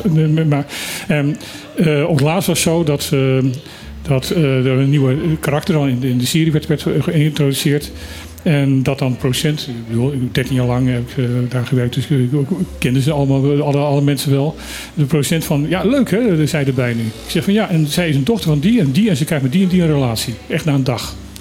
En die producent zou mij aankijken van, hoe weet jij dat? Ik zeg, nou ja, ik heb 13 jaar ervaring. Ik weet hoe, ik weet hoe die verhalenlijnen lopen altijd. Dus, eh, maar ik heb, eh, wat een hele goede bleek te zijn, was eh, met mijn kinderen. Als kinderen bang waren van een film, of, of, of angstig waren wat er gebeurde, ging ik uitleggen hoe ze het gemaakt hadden. En doordat ik dat uit ging leggen, was opeens de magie ervan af. En wij waren opeens niet meer bang. Ja, Maar ja, het, het verpest dus je, verha je verhaaltje. Ja, ik, Als ik wil niet te veel weten nu hoor. Want als, je Nee, al, want- als je al de clue weet, simpelweg van... eh, hè, eh, eh, hij heeft, eh, nou, we hebben hier zomaar een, minu- een minuut de tijd eh, eh, gehad... eh, omdat ze met een, met een mes loopt te zwaaien en ergens neerleggen. Eh, dat heeft helemaal niets te maken met het verhaal... tenzij dat straks in het verhaal Ja. terugkomt. Dus gaat het straks in het verhaal terugkomen. Mijn en dan criterium vinden voor- ze dat mes op die plek. Mijn, mijn criterium voor een goede film is, is dat ik niet, eh, als ik een film lang niet aan de techniek denk, dan is het een goede film. Zodra ik aan ga denken van, hé, hey, hoe heb je het gemaakt? Dan is die film in problemen. Maar er zijn ook films waar ze, eh, die helemaal vol zitten met dat soort verwijzingen. Ja. En, en dat ik ze dan niet zie. Ik heb dat met eh The Sixth Sense heb ik dat gehad. Die zit helemaal vol met aanwijzingen voor, eh, ja, voor, voor de verrassing Dat op het dat einde. dat- ja, dat, En die heb ik niet zien aankomen. En dat, ja, dat, dat vond ik erg gaaf. Dat ik hem niet zag aankomen. ja, dat kan ik me voorstellen. Maar, Maar, goed, dat was wel mijn eigen schuld, omdat ik gewoon heb zitten maffen. Snurken. Ja, maar ik wil nu niet meer te veel weten. Want ik heb eh, gezien dat bij, op Bonaire bij Empire komen best wel een aantal leuke films in aanloop naar kerst. dus ik wil heel graag gewoon genieten. Ja, En dan juist- achteraf gaan wij eens een keertje bekijken van... nou Jut, heb je dit nou niet zien aankomen? Wil, wil jij de Napoleon film zien? Die heb ik gezien. Oh, je hebt hem al gezien? Ik heb hem gezien. Er schijnt helemaal niets van te kloppen eh, historisch. Ik heb inderdaad ook het gevoel, want ik ben wel een beetje een geschiedenisfreak. Er waren voor mij echt heel veel dingen dat ik dacht, hmm, huh, oké. Maar op zich, eh, eh, ik vond het eh, goed gespeeld. Het eh stoïcijnse en het, eh, ik vond het wel goed gespeeld. En er zitten er best wel een paar leuke scènes in. Met veel bloedspatten in de ronde. En dat Nou ja, hij in dat hart gaat nou ja, graaien de- naar de- dat de paard De en regisseur is. Ridley Scott en eh, er is een uitspraak van Ridley Scott. Je moet een goed verhaal niet verpesten door de waarheid. Ja, nou, dat eh, blijkt wel dat Dat dat, zijn, eh, zijn insteek Ja. is. eh, maar ik heb begrepen dat Josephine heel goed was. Josephine Ja, is heel goed. Klopt. Nee, het Dus, is gewoon eh, het is een vermakelijke film. Dus eh, ja, zeker gaan kijken. Ergens doen. Leuk. Voor, vooral gaan doen. Nou, er komen nog meer films aan. En natuurlijk, de kerstdagen komen eraan. Dus Ja, daarom. Heerlijk, eh, Ja, maar daarom. Dus ik wil niet te veel... eh, die autotune was het even voor vandaag, hoor. Even, eh, even dimmen nu. Maar je moet met mij ook niet naar een, the- een theatervoorstelling gaan. Want ik zit wel meer op de theatervoorstelling zo omheen te kijken waar het licht hangt en wat er gebeurt en wat er allemaal aan de hand is. Dan dat ik naar het, het podium zelf zit te kijken. daarom is het dat is altijd voor het mij beste om jou gewoon het licht op te laten hangen. Ja, maar dit is, daar zit voor mij ook gewoon Ja. van de lol in.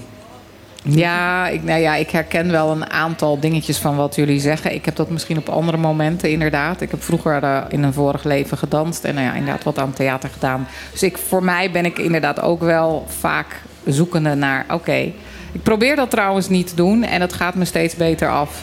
En dan gewoon lekker kijken en Mhm. genieten. En vooral bijvoorbeeld, eh, vorig jaar waren we bij Cirque du Soleil. En daar gebeurt zoveel rondom je heen.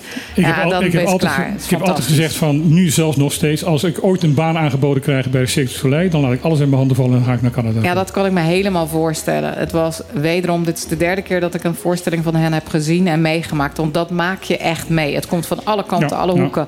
Dus ik zou me voor kunnen stellen ja, dat als je theatermaker bent of zoals jij, je ziet het niet aan. Dat is werkelijk, ik denk, oké, waar dan? Het Hoe is, dan? Het is top. Het is werkelijk echt zulke top. Het is de top van theater. Ik bedoel, ehm, het, ja, het is circus. ehm, maar eh, de, de, de dat is manier... waanzinnig, hè? En dan muziek en spelen en zang en, en ja, ja. Ja, dat, dat is wat ik heel erg mis. het was eh, oh, waanzinnig. Ja. Ik, dus eh, bij deze, ik ben ja, zo- je mag jaloers zijn. Ik ben, ik ben zo blij dat zij eh, de, de COVID hebben overleefd. Het is kantje boord geweest. Klopt. En ze hebben, ze hebben het godzijdank overleefd. Want Ja. het is echt werkelijk uniek wat zij doen. Ja. Nee, nou, ik vind het helemaal niks. Ja, dat mag. Dat mag. Oké, nee, dan zijn we daarover eens. Absoluut. Ja! Eh, ik haal het papiertje er maar weer eens even bij. Is goed. Eh, ik heb het hoofdstukje actueel al gehad. Maar toerisme, recreatie, natuur en evenementen. De TCB heeft Bonaire in de spotlight gezet in Disneyland Parijs. Blijven we toch weer een beetje in dat theater. Dat is Blijven een toch in mooie- het theater. hè? Nogal. Ik ben gek op Disneyland trouwens. Eh, Ik ken alleen maar Disneyland Parijs van echt heel lang geleden, moet ik je zeggen. Eh, Ik ook. Maar ehm, ja, mijn- daar mijn gaan we weer. jong- toen mijn Leuk. kinderen jong waren. Juist. Ja, maar dan kom, dan kom je daar eh, kom je bij Alice in Wonderland. En dan, dan, dan staat daar die, eh, die hartenkoningin. En in plaats van dat ze roept... Off with her head. Roept ze... Coupez la tête. Dat vond ik helemaal niks. Nee, daar kan ik me wat voorstellen. Nee, dat is dan. Tête. Oké. Weet je wel wat ze dan in Japan eh, roepen? Want Japan heeft ook een Disneyland. Hoe weet je dat? eh? ik heb geen idee nu. Ik maar... ben in Japan niet geweest, maar ik neem aan dat, dat ze daar in plaats van off with her head zegt. Die wilde ik horen. Zonder autotune. Dankjewel, Michiel. Zie je, zie je. Die dus, yes. Maar even serieus, wat, wat, oké, toeristbureau Bonaire was in Disneyland. Het was in Disneyland van 13 tot 15 november. Hebben ze zich gewoon pro- eh. Het eh, 12,5-jarige jubileum TUI eh, eh, in, in het eh, at home in eh, eh, Disneyland Paris. Ehm, ze hebben een exclusieve presentatie gehouden ehm, op, voor 120 onafhankelijke reisadviseurs van TUI. En eh, dat, ja, het, het ging in feite om TUI, maar het was toevallig omdat TUI eh, jarig was, ehm, eh, was dat die presentatie en dat feest in eh, Disneyland Parijs. Ah oui, Zo. Bonaire, euh, qu'est-ce que c'est le, le, le, pour le... Hein? Dus, eh, Vraiment, hein? dus het was in feite voor de reiswereld alleen eh, het vond plaats in eh, Disneyland. Bienvenue en Bonaire. Oh, dat was het. Dus eigenlijk niet zozeer TCB om Disneyland Parijs, maar daar was het toevallig. Daar was het toevallig. ja. Oké, next. De Telegraaf heeft gezegd Bonaire is een feestje. Ik heb het artikel niet gelezen, maar wat eh, eh, kun je daar een beetje over uitweiden? Wat ze dan een feestje vinden hier? Ja, ik kan daarover uit. eh, Het artikel wat in eh eh, Antilliaans Dagblad heeft gestaan over de Telegraaf. Ehm, eh, dit is een uitspraak van Hortense Chen. En dat, eh, die, zij was op uitnodiging van de restaurants Pasta Ibasta eh, eh, eh, Cuba Company. Pasta Ibasta is een formule uit Amsterdam. Waarbij de, de mensen die serveren daar, die, die daar eh, bedienen, allemaal studeren aan het conservatorium. Eh, Het zijn allemaal zangers, en, eh, maar volgens mij ook dansers. Ook dansers. Eh, en, en ja, ze, komen zingend je voedsel De pasta aan je tafel brengen. brengen. ja, ja. ze zetten de, de, de schalen op, op de tafel neer en dan komt opeens eh, klassieke eh, opera komt er dan en dan beginnen ze aan jouw tafel opeens opera Ja, het is een leuk concept. Het is een ik heel het leuk twee keer concept. meegemaakt. Leuk ik, heb het, concept. een- ik heb het hier nog nooit meegemaakt, maar ik zag het wel toen ik voorbij lopen dat dat, dat eh, bij, bij Cuba bezig was. Hier is je pindasaus. Zoiets. eh. Ja, zoiets. Maar dan echt gewoon ook de originele teksten. oh, de eh, originele teksten. Ja. Eh, ik heb het ook nog een keer in een soort andere versie meegemaakt bij een Italiaan in, ehm, in, in Amersfoort. Maar daar was toevallig de, een van de dochters van de eigenaar, die zat op het conservatorium. En die had iedere keer, had, op zaterdag had zij daar een concert. Tijdens het- dat je aan het eten was. Iets andere opzet, maar ook erg leuk. Maar goed, de Telegraaf vindt dus Bonaire een feestje. Nee, omdat... eh, Hortense eh, Chen die was uitgenodigd door eh, Pasta Ibasta en, en Cuba. En zij is een eh, influencer, zoals dat dan heet. Oh ja. Ehm, en eh, die heeft tegenover de, de, de, de Telegraaf gezegd dat Bonaire een feestje is. Ja, eh, kortom, Nou, eh, dat heeft ze gewoon gezegd omdat ze er even een leuke paar dagen eruit was. Ja, ja. Hoe heet ze van haar achternaam? Chen. Chen. Oh, dat is niet tjing, maar tjeng. Chen. Oh, oké. S-H-E-N. Echt serieus. Wat is je vak? Ja, ik ben influencer. Ik, Dat zijn echt- heel veel mensen die daar geld mee verdienen en heel veel geld mee verdienen. Ja, En ik kan eh, daar zo bizar. weinig mee. Maar oké, goed. Nou ja, Bonaire is een feestje. Dat vind ik ook. Ik vind het een eh, voorrecht dat ik hier mag wonen. Ik ook nog steeds. Ik ook, absoluut. Ehm, een grote koraalduivel is geschoten aan de westkant van Bonaire, een lionfish. En de westkant is eh, eigenlijk de kant waar we ze eigenlijk niet eens zo heel vaak meer zien. Eh, er zit een, een, in de verte daar achter, achter jou zit een, eh, een, een, een stinapa. Een crack. zit even, even te lachen. Judith, kom even bij. Eh, want die, die weet er natuurlijk meer van. Ja, het die was ga- een, koraalduif- gaat dit gewoon even vertellen. Het was een koraalduivel van eh, 45 centimeter. 45 centimeter, dat is toch nog steeds niet. we hebben ze groter gehad. Zoek een plekje uit, ergens waar een microfoon is. Eh, ja, je, je bent er eigenlijk, je bent eigenlijk uitgeno- uitgenodigd voor straks. Maar ja, hier kun jij meer over vertellen. Dus eh, waarom ook niet? Hoe zit dat met die lionfish? Hoe zit dat met die lionfish? Ja, ehm, we hebben natuurlijk al sinds eh, een hele lange tijd een eh, programma. eh, waarbij we dus 11 geven aan mensen op het eiland. Dus je moet Ja. wel inwoner zijn van het eiland. om die lionfish te schieten. Want gemiddeld eet zo'n lionfish een rifvis of 15 op om zichzelf te voeden. En Per- dat kan eigenlijk. Per, hè, per dag ongeveer, ja. Dus, dus dat kan het RIF natuurlijk niet aan. En waar we nu mee bezig zijn, is dat we doen... ieder jaar doen we ook lionfish monitoring. En dat is elk jaar aan het einde van het jaar. Dus in november, december. En dat is nu net weer opgestart. En eh, ja, dan zien we toch dat we nog steeds eh, ja, ook eh, veel lionfish eh, zien. Eh, wat we ook weten is dat die steeds dieper gaat zitten. Dus Ja. eigenlijk dat die steeds minder bereikbaar wordt voor mensen ja, om te schieten. Uh, en dat geeft natuurlijk ook weer andere uitdagingen. Dus daar kijken we ook zeker naar uh, bij Stinapa. Van hoe gaan we daarmee om? Um, ja, en, en kijk, we zijn in ieder geval heel blij met iedereen die ons helpt. Dus iedereen die uh, lionfish wil schieten, ja, meld je bij, bij Stinapa. Je moet wel ook de brevet hebben, dat je weet wat je doet. Ja, heb, je, dat... heb je nog elf in voorraad? We hebben zeker elf in voorraad. het is Dat af en toe lastig. Ja, het is af en toe lastig. We hebben zeker vorig jaar ook problemen gehad met ze hier te krijgen. Uh, dat kwam toen door de corona en het transport. Want we moeten het uit elkaar laten transporteren en dan hier in elkaar zetten. Maar we hebben weer voorraad. Dus als mensen een 11 willen aanvragen, nou meld je vooral bij Stinapa. De mijne moet geslepen worden. Doen jullie dat ook? Dat doen we zeker. En uh, dat is gewoon even een kwestie van ook een mailtje sturen naar info.stinapa.org. En dan vragen we wel om je 11 eventjes af te geven. En dan zorgen we ervoor dat, we, dat de 11 weer helemaal goed, uh, Heel goed. kan worden dan, gebruikt. Kijk je dan ook meteen na? We checken hem dan ook altijd meteen even na, ja. Dat is mooi. Je, Yes. je, je checkt hem na. Dat is helemaal goed. Je We net, kijken hem na. ja. Je, je zei net, Michiel, dat er een eh, record is. eh, die is door Michael Randall ge- eh, ge- gevestigd. Oh, daar heb je 49,5 toch? 48 48,8. En eh, deze vis van 45 is ook door hem gevangen. Oh, oké. Dus het is, maar dan is hij denk ik een hele dieperduiker. Ja, Een waarschijnlijk wel. tech diver ja, waarschijnlijk. waarschijnlijk wel. Wij als we zelf, we doen intern elk jaar met de Rangers doen we een, eh, een toernooi ook. En eh, dan gaan we altijd voor die aller, allerkleinste. ja. Ja, dan, dan moet je Bas Tol hebben. Die is daar heel erg goed in. Oké, ja. Ik heb er wel eens een, eh, een, ik heb er wel eens een, een, een geschoten van, eh, eh, wat was die? 47 centimeter. Dus die was Zo. ook heel groot. Ja, dat is ook Maar dat was in de, in de begindagen. Dat, eh, zo groot krijg ik ze nu niet meer voor mijn, eh Maar dat, dat is eigenlijk dus voor gunstig. mijn elf. Ja. Dat is dus eigenlijk gunstig. Dat Eigenlijk gunstig dat, we, dat, je- dat je ze niet zo gauw meer zo groot vindt. Ja. Maar ja, dat komt dus. Die grote zitten gewoon dieper. Veel dieper. Ja, Ja. en dat en, is en ook het. veel dieper. Die zitten zelfs dieper dan dat de techdivers kunnen duiken. Oké. Dus, eh, Klopt. Dat want, is eh, het. Ik, ik heb beelden gezien hoe het hier op echt grote diepte is. En daar zijn het eigenlijk bijna alleen nog maar lionfish die op lionfish eh, aan het leven zijn. Dat klopt. En dat is ook dus eh, waarom we met onze monitoring ook dieper gaan. Ehm, ik zeg niet naar de diepte, want de dieptes waarover we praten... is dat ze dus echt op ja, 40, 50 meter of dieper gaan zitten. Ehm, dat doen die lionfish. Het, het, het interessante is wel dat als je gaat kijken naar... dus ehm, maakt niet uit welk diersoort wat onder bedreiging staat. Hè, want de lionfish uiteindelijk gaat zo diep... omdat hij natuurlijk in het meer shallow water... dus het ondiepere water, wordt, ja, wordt hij, eh, geschoten.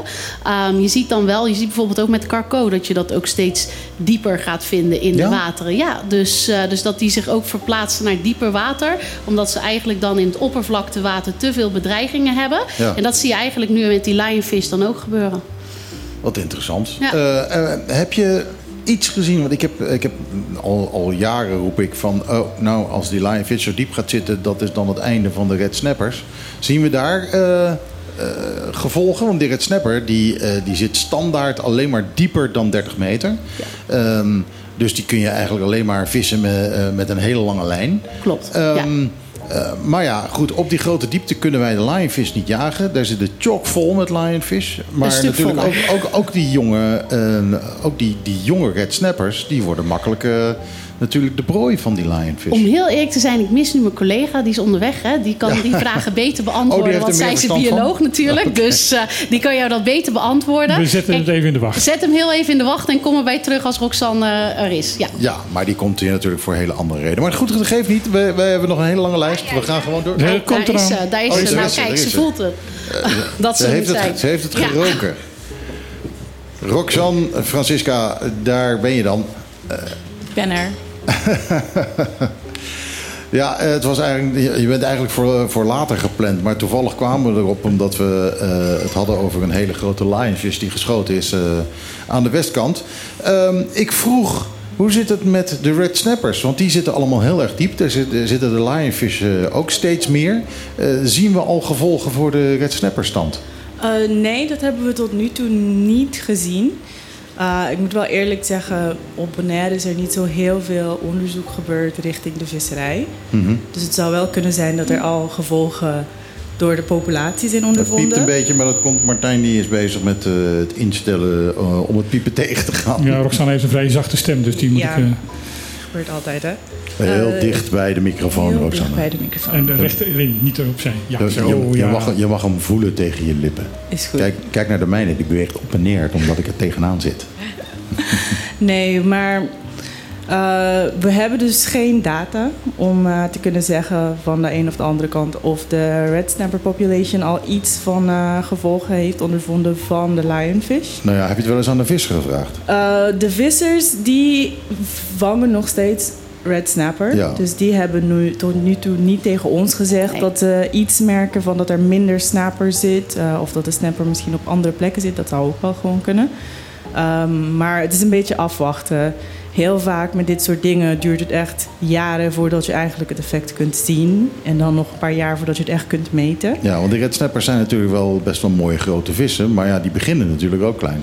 Ja, alles in principe begint heel klein. En dat is juist wat die lionfish dus heel leuk vinden. Want die kleine, vooral als het larvae zijn of net een beetje post-larval... makkelijk te eten natuurlijk.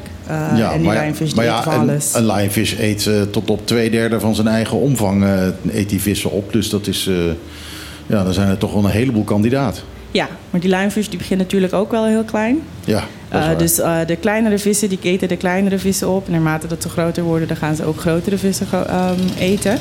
En het risico is dat je op die manier je hele populatie onderuit haalt, omdat er geen recruitment meer is. Dus dat Ja. er geen van die kleine vissen kunnen opgroeien naar grotere vissen om dan weer meer vissen te blijven maken. Precies. Uh, er zijn een paar plekken op uh, andere eilanden waar ze dus wel de gevolgen hebben gezien van de lionfish op de biomassa van andere vissen.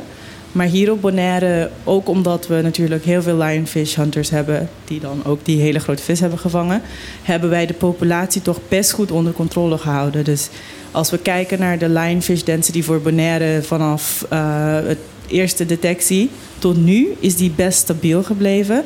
En we denken dat dat vooral uh, te danken is aan alle mensen die dan lionfish gaan vangen. Ja, ik, uh, het gebeurt mij regelmatig dat ik in ieder geval overdag duiken maak en dat ik geen lionfish zie.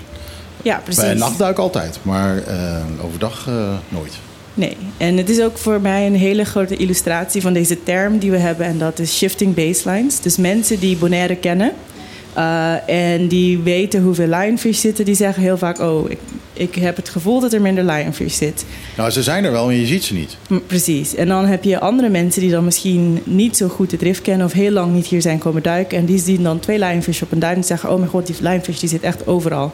Dus het is echt een goede illustratie van hoe de observer bias kan inspelen. En daarom is het dus juist zo belangrijk dat je um, frequent op dezelfde manier blijft monitoren. Want als ik alleen maar moet afgaan van hoeveel ik denk dat ik heb gezien, kan ik aan, in het ene jaar zeggen: Oh, er zit dit jaar heel veel lionfish. En dan in het volgende jaar zeg ik: Oh, ik, zie geen lionfish, dus dan zijn ze weg.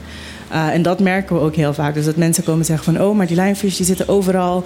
Uh, jullie moeten er iets aan doen. Maar als we kijken naar onze data... is de populatie toch echt wel stabiel gebleven. Ja, maar goed, stabiel is dus het woord. Het zijn er evenveel als toen je ze overal zag. Alleen nu zitten ze in het koraal. En uh, blijven ze weg zodra ze belletjes horen van een duiker. Nu schieten ze heel vaak weg. Um, we hebben ook nog steeds best domme lionfish. Dus ze schieten wel weg. maar ze weten ook wel, en dat is, dat is dus het handige... ze weten ook wel hoe ver weg ze moeten zijn... zodat je ze niet kunt vangen. Ja. Dus je kan ze niet vangen, maar we zien hun wel. En als Ja. we de density of de, de dichtheid, de hoeveelheid lionfish vergelijken op Bonaire met andere plekken waar ook gemonitord is, hebben we een van de laagste densities van lionfish in het Nou, Caribisch de, de gebied. beste truc is, ehm, ehm, je gaat met z'n tweeën ga je jagen. Eentje die heeft de lamp en eh, je doet het s'nachts. Eentje heeft de lamp, die schijnt op de lionfish. Lionfish kijkt naar de lamp. En vanaf de zijkant komt die andere en die schiet hem recht voor zijn kop. Toptip hier voor alle lionfish Dat hunters. is, ja, ja, dat is, nou ik denk dat alle lionfish hunters precies weten waar ik het over heb. Uh, maar goed, ga- jullie zitten hier ik ga- helemaal... ja, ik wou net zeggen, ik ga Ja. een mooi bruggetje maken. Namelijk van de lionfish. Hoeveel heeft de lionfish er last van dat het, koraal op dit moment eh, eh, beschadigd wordt? Nou, dat kan ik nu dus ook nog niet zeggen. Ehm, Kun je, even, gaan we het anders doen? Kun je zeggen hoe het rif er op dit moment bij staat? Hoe erg het is en in hoeverre het goed gaat komen? ja, Eh, het RIF op dit moment hebben we in het heel Caribisch gebied, maar dus ook op Bonaire, een mass bleaching event gehad. Ja. Uh, dus heel veel van het koraal is op dit moment wit. En dat is niet stony coral tissue loss disease, maar dat is een reactie van het koraal op de warme watertemperaturen. Is dat te zien eh, aan kleur? Ja, dus nu is het allemaal, of ja, nu niet meer, want nu begint de watertemperatuur een beetje meer te dalen. Maar Op het moment dat we het hebben over bleaching, wordt het koraal helemaal wit. Ja, ik heb het nog nooit eerder zo gezien. Het is eh, bijna al het koraal is wit. Tot en met de tube sponges aan toe eh, wordt wit. Maar de, eh, heeft de, de bleaching een ander soort wit dan... eh, De, ja, de bleaching heeft net een, een beetje een ander soort wit dan de eh, Stony Coral Tissue Loss Disease. een beetje maar gelig. Het is, ja, het is meer een beetje gelig en het he- de hele kolonie wordt meteen wit. mhm. Uh, maar het leeft nog. Dus dan gaat er geen algen opgroeien. Maar met de Stony Coral Tissue Loss Disease, op het moment dat het wit wordt, is het omdat het koraal is gestorven. En dan Mhm. gaat er echt binnen twee, drie dagen beginnen er algen op te groeien. Dus als je een koraal ziet en die is, is een beetje iets groter formaat en het is helemaal wit, maar geen algen. Het zijn geïsoleerde plekken ook hè, bij, bij Skittle Oh, bij Skittle zijn het geïsoleerde plekken meestal. Maar omdat het een beetje moeilijk kan zijn om dat verschil te zien. En hier op Bonaire hebben we het gemerkt, maar ook op andere eilanden hebben we het gemerkt dat gedurende een bleaching event de ziekteprevalentie van die tissue loss disease omlaag gaat. Is het dus nu een beetje moeilijker te zeggen hoe het ervoor staat met Skittle D voor verschillende riffen. Ik hoor verhalen van, eh, oké... eh, Skittle D overigens is eh, Stony Coral Tissue Loss zal Disease. Dat is de ziekte die, Ja. eh, die momenteel ook heerst. Ehm, ik hoor inderdaad van de bleaching is tamelijk heel ernstig geweest. Eh, maar het herstel is groter dan voorheen. Ja, wat we in Bonaire hebben gemerkt, want we doen eh, sinds 2016 doen we bijna elk jaar monitoring. Dus als er een bleaching event is, gaan we kijken. En sinds 2016 hebben we dus wel gemerkt dat het rif wel verbleekt. Uh, in 2021 was het volgens mij iets van 70% van het rif. Maar we zien heel weinig mortaliteit. Dus het kan wel herstellen. En dit jaar ook, gedurende de monitoring die we net hebben uitgevoerd, hebben we heel veel bleaching gezien, maar heel weinig mortaliteit door Mortaliteit betekent dat het echt dood is. Ja, dat het echt dood gaat. Dus, uh, en omdat de temperatuur nu al begint te dalen, zien we al de signalen van herstel. Dus de koralen kunnen best goed, hier op Bonaire in ieder geval, kunnen ze best goed herstellen van een bleaching event. Hoe lang gaat dat duren, denk je, dat het, uh, tot het weer uh, normaal gekleurd is? Ik denk dat je dat moet vragen aan het weer. Uh, het hangt een beetje af natuurlijk. Maar ja. is, is, bleaching te vergelijken, om een hele rare vergelijking te maken met uh, in herfst de, dat de blaadjes van de boom afvallen? Uh, een klein beetje wel. Um, maar met de bleaching is het, draait het voornamelijk om de watertemperatuur en hoeveel zon er schijnt. Mm -hmm. Kijk, die blaadjes dat hoort te vallen, mm -hmm. maar die bleaching hoort niet. Hoort eigenlijk niet. Dit is het gevolg nee. van, uh, van opwarming. Okay. Precies. En we hebben, als je kijkt naar de uh, geschiedenis van bleaching events, niet alleen in het Caribische regio, maar ook in de Pacific, uh, Pacifische regio, zien we dat sinds 1980, 1990 we vaker en ernstigere bleaching events krijgen. Um, op dit moment, omdat de temperatuur van het water gedaald is van 31 graden naar 28 graden, en dat is dan uh, boven 29 graden, daar, dat is wanneer de meeste koralen dan effecten beginnen te voelen, zien we nu dat het herstel begint te komen. Hm. Maar voor hetzelfde geld krijgen we weer drie weken super warme wateren en dan gaat het weer bleachen. Dus als het nu zo doorgaat, denk ik dat we binnen de komende drie, vier weken dat het allemaal wel langzamerhand begint te herstellen.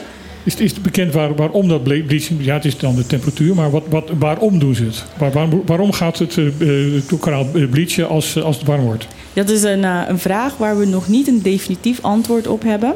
Um, wat de, het vermoeden is, is dat gedurende bleaching, omdat er algen die zitten dan in uh, het koraal mm -hmm. en die gebruiken zonlicht om energie te maken. Maar op het moment dat je dat gaat doen, krijg je soms van die uh, wat noemen reactive oxygen species. En dit zijn um, zuurstofatomen die een extra elektron hebben, waardoor ze schade kunnen aanrichten aan het DNA.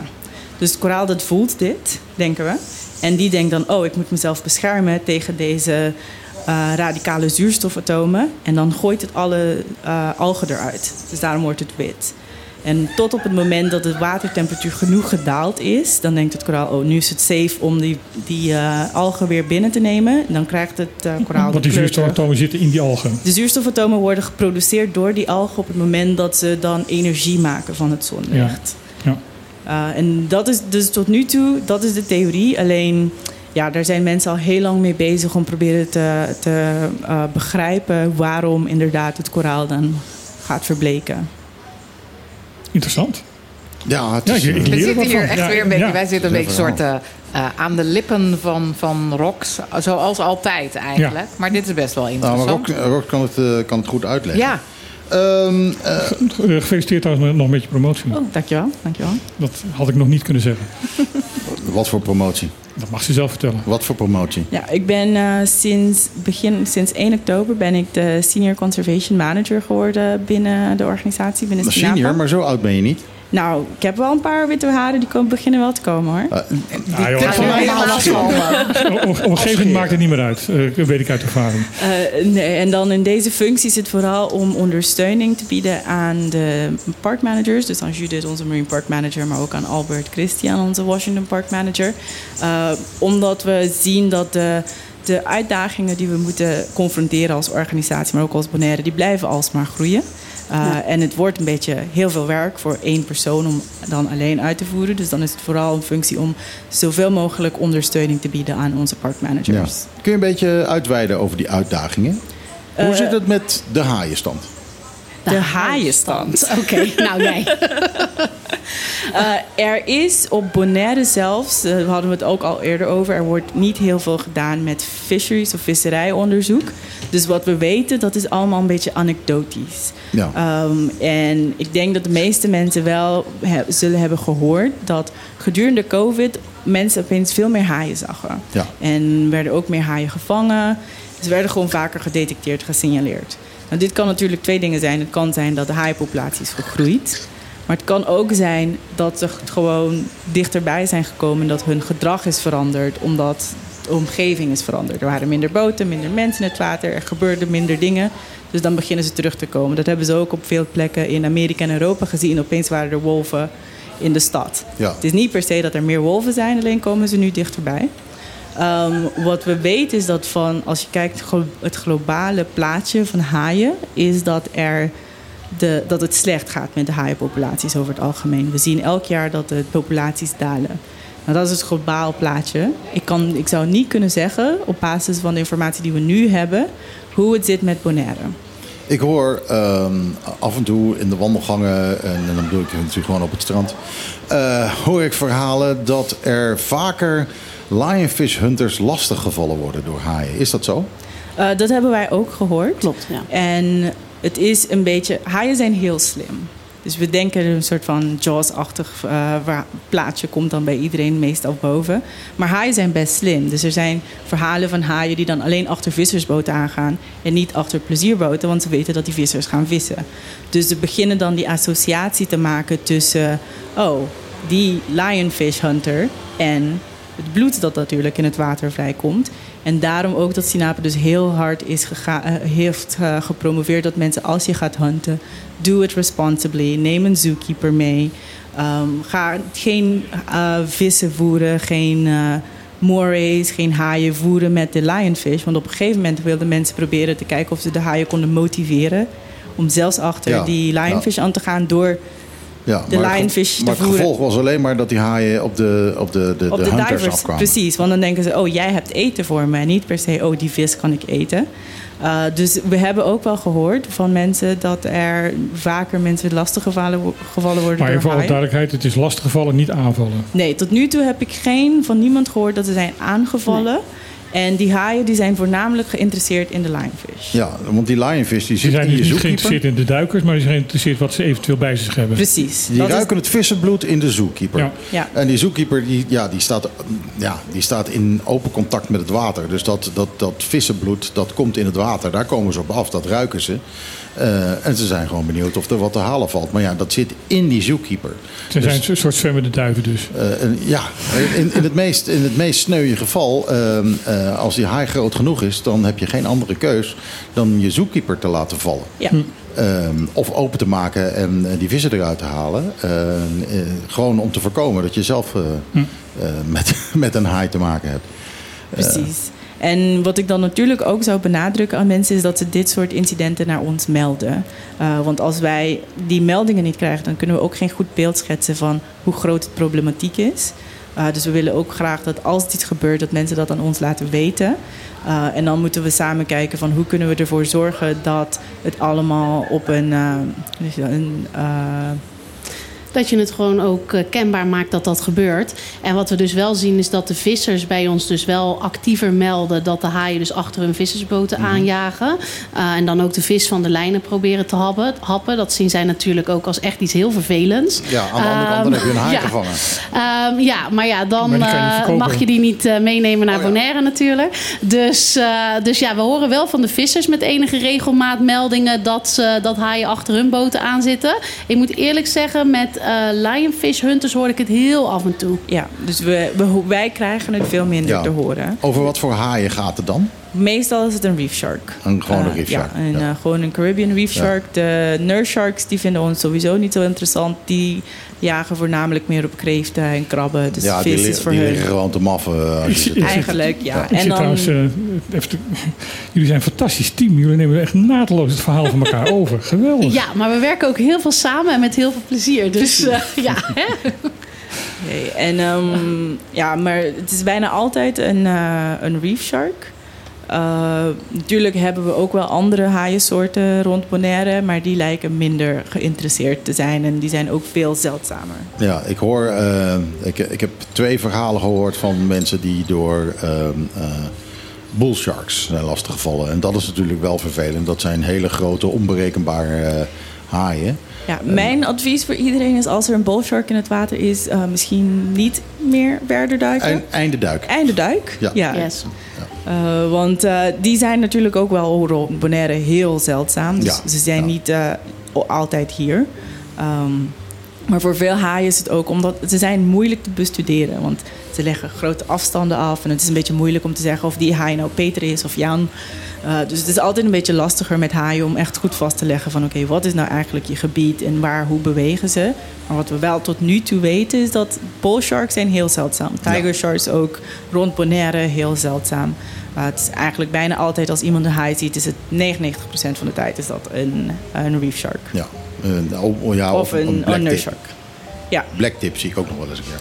Maar eh, dat is dan meestal aan de oostkant. Dus eh, zo heftig is het allemaal niet. Ehm, nou, eh, even kijken. We hebben gehad eh, koraal, we hebben eh, gehad eh, de visstand. eh, we hebben gehad eh eh, eh, Skittle D. Ehm, zit er daar nog enige eh, vooruitgang in? Eh, ja, dus wat we hebben gedaan natuurlijk is... eh, we zijn blijven monitoren naar hoe de ziekte zich heeft verspreid rond Bonaire. Eh, en eh, we hebben dan voor verschillende plekken gekeken... naar welke soorten koralen het meest aangetast worden door de ziekte. En ik, het lijkt erop tot nu toe dat vooral de brain corals... het echt zwaar te verduren krijgen. Ja. Dus op veel plekken zie je ook waar de ziekte nu al langer zit... dat er bijna geen brain corals meer zitten. Ehm, en dat is slecht voor de overal diversiteit, biodiversiteit van het rif. Maar vooral voor sommige van deze brain coral soorten, dat zijn juist de soorten die heel groot kunnen worden en heel veel structuur bieden aan je rif. En dat structuur is dan weer nodig voor de vissen, want daar willen ze hun eitjes leggen of daar gaan ze dan in schuilen. Ehm, en dat, dus nu is het nog steeds een beetje de vraag, en dat kunnen we nu nog niet beantwoorden, van hoe gaat het rif eruit zien na deze ziekteuitbraak. Wat Ja. we nu zien is dat het lijkt alsof alle brain corals, die gaan we kwijtraken als we niks doen. En wat dan het effect is van het kwijtraken van een gedeelte van je rif op je visstand. Ja, die vraag blijft nog een, be- een beetje langer Ja, onbeantwoord. het is een grote Ja. verrassing. Het Ik was, eh, ik was vorige week was ik bij de Helmelhoeker. En eh, dan kom je naar boven en daar zijn een paar eh, patches van, eh, van dat, eh dat eh hè, het hertshoornkoraal. Ehm, en wat me opviel is dat alles was bleek. En dat hertshoornkoraal dat zag er beter uit dan ooit. Hoe zit dat? Ja, de, het lijkt erop dat de hertskornkoraal die kunnen de bleaching beter, ehm, daar zijn ze beter tegen Ja, het was, het was niet bleek, het zag er gewoon hartstikke goed, maar het zag er echt gezonder uit zelfs. Het zag er gewoon beter uit dan... eh, Ja, misschien is het ook beter in vergelijking met de rest. Ja, de- tuurlijk, het, eh, het is wat mooier als de rest zo lelijk is, maar eh, dat is sowieso het geval. Maar ik, ja, ik, was echt, ik ben er gewoon echt even boven hangen. Ik heb er gewoon even van genoten. Van, van, van koraal dat gewoon gezond eruit zag. Nee, de, de ziekte die tast dus die soort koralen tast die de, tot nu toe niet aan. Dus de hertskornkoraal en die andere. eh, Sterkhoornkoraal, het. Ja, de, eh, de eh, elkhoorn en de staakhoorn die worden niet aangetast. Ja. Maar ook als we het hebben over bleaching, verschillende soorten koralen zijn beter beschermd of beter bestendig tegen bleaching. En het lijkt Ja. erop dat de, vooral de staakhoorn, die kan dus best goed omgaan met wisselende Ja, temperaturen. maar elkhoorn en sterkhoorn is natuurlijk van oorsprong een ondiepe koraalsoort. Die dus Ja. ehm, eh, ja, altijd al veel temperatuurwisselingen eh, tegen, tegenkomt. Dus het is eigenlijk ook wel logisch dat die daar wat beter tegen kan. Ja, zeker. En we hebben van de bleaching monitoring ook gezien dat uh, ondiepe koralen, die bleachen minder dan Ja. de diepe koralen. Dus Ja. dat is allemaal wel een beetje logisch natuurlijk. Dat uh, en vooral koralen die dan er langere tijd al staan, die hebben waarschijnlijk al één of twee bleaching events meegemaakt. En we denken dat een koraal, als het eenmaal gebleached is, dat het dan de volgende keer dat het iets beter daartegen kan. Ja. Beter snapt wat er moet gebeuren. Ja. Ik heb een beetje een lastige vraag. Ehm, jullie zijn heel erg bezig als Dinapen om heel erg veel publiciteit te geven. Van jongens, dat uh, Skittle die is gevaarlijk, dan moeten we dit doen, moeten we dat doen. En je hoort heel veel, vooral uit uh, de toerisme. Uh, de, de kritiek van laat Dinapen alsjeblieft hun kop dicht houden, want die Amerikanen blijven weg. Ja, Dat, dat klopt. Ehm, we werken ook samen rondom Skiddle die daarom in een taskforce. Dus dat betekent dat we samenwerken met eh, Tourism Corporation Bonaire direct. Eh, Bonhata zit daar ook in.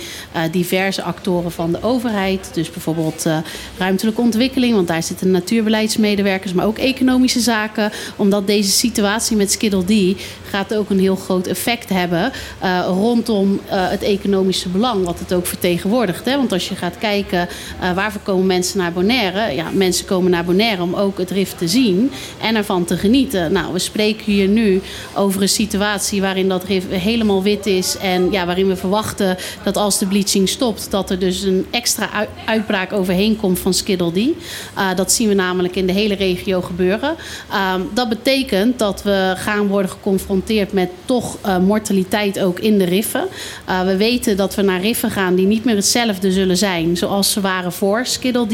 Dat betekent ook dat we moeten gaan kijken in zo'n taskforce met oké, hoe gaan we nu om met deze nieuwe realiteit van onze riffen? Dus waar ga je focus leggen? Ga je dat doen op het beschermen ervan, uh, het restaureren ervan. Uh, misschien moet je ook artificiële objecten gaan afzinken. Dat zijn allemaal dingen waarover je moet samenwerken. En het klopt dat inderdaad um, in het begin um, Stinapa echt zei van jongens, let op, pas op, uh, skiddle die. Maar we proberen dus nu met de toeristische organisaties ook te kijken hoe we dat kunnen doen op een manier dat het niet zozeer direct terechtkomt bij de toerist, maar dat de toerist wel weet wat er in Bonaire wordt verwacht als je gaat duiken in dat marinepark, wat uiteindelijk wel gewoon een beschermd natuurpark is. Duidelijk, duidelijk antwoord. Um, ik hoor ook mensen zeggen van, van uh, is het gevaarlijk voor ons als mensen? Ja, die vraag hebben we ook vaker gehad en het antwoord is nee. Op dit moment hebben we... Ja, de ziekte die is natuurlijk begonnen in 2014 in Florida. Dus er zijn heel veel mensen die al bijna tien jaar naar het kijken zijn... en het proberen te begrijpen.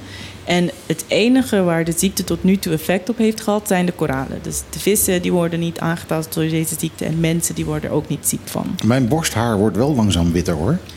Ja, ja. ja, misschien is dat... Zou dat een andere, oorzaak, andere oorzaak hebben?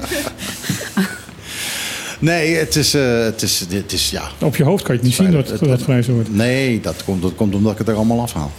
Maar uh, uh, ja, het is dus toch wel. Het, het zijn eh, interessante tijden, kunnen we wel zeggen. Maar ik, ik vind het wel goed dat jullie eventjes, wat, wat van, die, ja, van die geruchten die hier allemaal zijn, even recht komen zetten. Um, dankjewel dat jullie er waren. Uh, ik, ik moet, we moeten even door. We moeten door. Ik, uh, ik heb een plaatje. Ja, he, uh, hebben jullie nog iets te, te, te oh. vertellen? Ja, we hebben, oh, jij nog wat? Ja, we hebben nog een kleine, een kleine announcement. Op donderdag hebben we een presentatie over de ziekte en de staat van het RIF. En daar is iedereen bij uitgenodigd. Aanstaande donderdag. Aanstaande wow. donderdag, 30 november, bij Forma. Uh, alle informatie te vinden op onze sociale media. Dus als er nog vragen zijn die we vandaag niet hebben kunnen beantwoorden, dan is iedereen natuurlijk van harte welkom. En ik wil nog als laatste zeggen dat we op dit moment nog steeds onze rangers hebben staan bij BOPEC. Um, dat nog steeds we iedereen aanspreken omdat er voorbij BOPEC niet kan worden gedoken. De moorings in het noorden zijn nog steeds uit het water. Um, en dat zal zo ook, uh, ook blijven. Um, en wij willen iedereen vragen die dus gebruik maakt van het Bonaire Nationaal Marinepark om een ieder geval hun mensen ook te informeren van rins je materialen. Gebruik het stoplichtsysteem. Dus ehm, zodat, je helpt, zodat je ons ook helpt met eh, ja, het zorgen dat deze ziekte zich langzamer verspreidt door de riffen. Ja. Want dat is echt nodig eh, voor ons om ook te kunnen spreken over herstel. Uh, want we moeten ook gezonde koralen hebben die spannen om daarmee verder te kunnen. Ja, het stoplichtsysteem dat houdt in, er zijn zones, er zijn rode zones, er zijn gele zones, eh, of eigenlijk oranje zones. Yes. En, eh, en er zijn groene zones. Zijn, hebben we nog groene zones? We hebben er nog een paar. Ehm, Helaas. Helaas. Ja. Steeds minder. Uh, en op het moment dat de bleaching voorbij is, dan moeten we natuurlijk nog een keer zo'n soort, we noemen het een rapid reef assessment. Dus dan gaan we met de rangers van het Marine Park en misschien ook met volunteers nog een keer alle riffen af om te kijken van oké, Ja. zijn er nog groene zones? Ja. En dan kunnen we het ook updaten op de map. Die zones die kun je vinden op de website van Sinapa. En, eh, En bij de bagageband van eh, bij Bia. Want toevallig moest ik laatst lang wachten op bagage. En ik moet Goed, hè? even... Ja, nee, inderdaad. Even serieus. Uitstekend, Ja, het is hartstikke goed. Want ik kwam dus aan eh, inderdaad met... eh, ik kwam uit Nederland. Maar volgens mij was er een Amerikaanse luchtvaartmaatschappij. United stond er. En ehm, ik zie toch wel... Want dat zijn veel inderdaad toeristen en duikers. Dat zie je aan alle grote koffers en tassen. Die zie ik daar toch wel zeer geïnteresseerd naar kijken. Eh, dus ik denk dat dat supergoed is. Ja. Je stapt uit dat vliegtuig, je staat te wachten. En dan is het misschien maar even goed dat we lang moeten wachten op die bagage. Want dan hebben mensen dat ook een paar keer voorbij. Volgens mij moet je bij Amerikanen dan dat regelmatig herhalen. Ja, dat gaat bij de een wat sneller dan de ander. En bij de gemiddelde Amerikaan vraag ik me wel eens af hoe snel dat dan gaat. Nou, niet dus. Dus ik vond het heel goed dat ze heel lang moesten wachten op die bagage. Want ze hebben het volgens mij, als ik het zeker zeven keer gezien heb. En zij stonden er al. Dus hebben ze dat tien keer voorbij zien komen. En ik vind hem heel helder. Trouwens, een prachtig digital bord. Baf met dat licht. Dus het was heel duidelijk wat oranje en rood en groen en hoe dat werkt. Ja. Maar supergoed. Het is dus de bedoeling dat je, eh, als je meer dan één duik maakt op een dag, je begint in het rood en eh, je tweede duik. Andersom. Of- begint in het eh, zo- groen zo- en je zo, gaat ja. Begint in- oranje. Ja. Begint in het groen inderdaad en dan langzaam richting rood en niet andersom. Yes. Eh, want anders dan eh, neem je gewoon eh, de ellende mee. Ja. Dat is eigenlijk het idee. En aan alle de, de toeristen, er is nog genoeg te vinden, nog genoeg, genoeg te Er is zien. nog genoeg te vinden, nog genoeg te zien. En ehm, ja, het is natuurlijk een beetje heftig voor ons, want wij zien het RIF veranderen. Maar dat is ook wat we, willen, waar we voor pleiten. We willen dat het RIF verandert en niet dat we het helemaal kwijtraken. En Het is- daarvoor het- hebben we het de is hulp nu van schrikken. iedereen nodig. Het is nu echt schrikken als je het water in gaat, omdat eh, eh, ik denk 80% van het koraal is wit of bleek. Maar dat komt Eh, terug. Maar dat komt terug. Dus het is niet zo erg als dat het lijkt. En donderdagavond, 30 november, Forma. Forma zit waar? Voor heel veel mensen namelijk, Forma zit nog steeds op een plek waar het al lang niet meer zit. Nee, Forma zit nu op Kaya Barracuda. Volgens mij nummer 19. Eh, dat is de oude vestiging van de Pelikaan, denk ik. Achter het benzinepomp bij Mentor. Voor mensen die het anders denken van help. Weet je, je gaat richting Kaya Corona. Op een gegeven moment heb je dus de benzinepomp eh, bij Mentor. En daar ga je eraf en een stukje, beetje omhoog. Daar zit het, eh, een schoolgebouw. En daar zit Forma nu. Oh, Daro. Juist. Oh, dat wist ik helemaal Wist niet. dat, eh, Nee, vandaar dat ik, ik, ik hoor vaak en dan staan mensen toch nog ah, voor het oude stukje waar nu de Academy van Fundación Maria zit. Ja. De iets nieuwere mensen die gaan de, de mol in en zoeken daar. Maar nee, het zit dus inderdaad Kaya Barracuda. Ehm, dus daar. Ja. Achter de benzinepomp. Dan komt het goed. Ik ging een plaatje draaien, maar het is al heel laat. Ja, Ga ik dan wel een plaatje draaien of gaan we nog eventjes... eh nou ja, als je een kort door? plaatje hebt. Heb ik een kort plaatje. Drieënhalf minuten is dat Zo'n autotuntje. Een autootje, anders draai ik hem weg, weet ik veel. Bananarama, I heard a rumor. Snap je? Ik had het net over de, de rumors die er zijn. En, Dus ik, ik ging dat doen, maar ja, toen ging er opeens iedereen er weer overheen. Dan was het klaar. Dus, eh, Sorry. nou ja, het spijt me.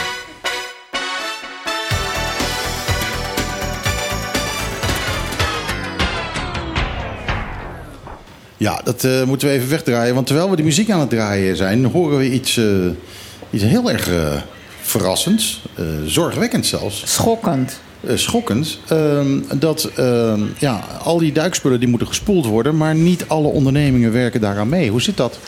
Ja, dat klopt. Ehm, we hebben ehm, eigenlijk al sinds jaren gedogen wij dat er dus eh, ondernemingen werken in het Bonaire Nationaal Marinepark, daar hun geld verdienen, maar niet een natuurvergunning hebben.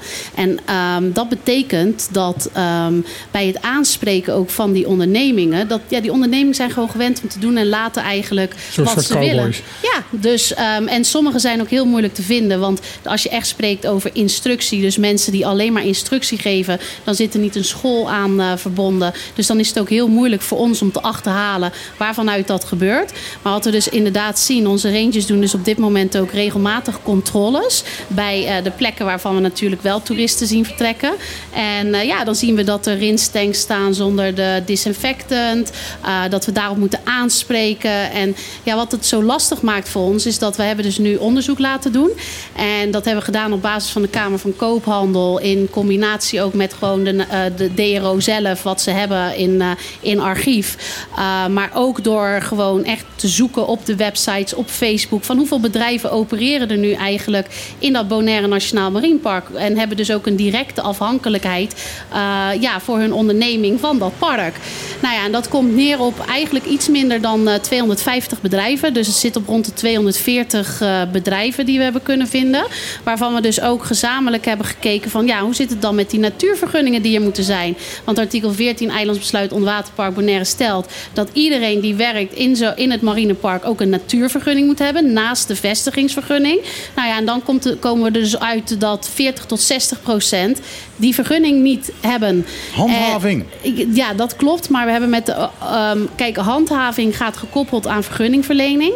Er zijn hele grote achterstanden op dit moment in die vergunningverlening. Dus bedrijven wachten gemiddeld een jaar tot anderhalf voordat ze ook zo'n natuurvergunning helemaal hebben.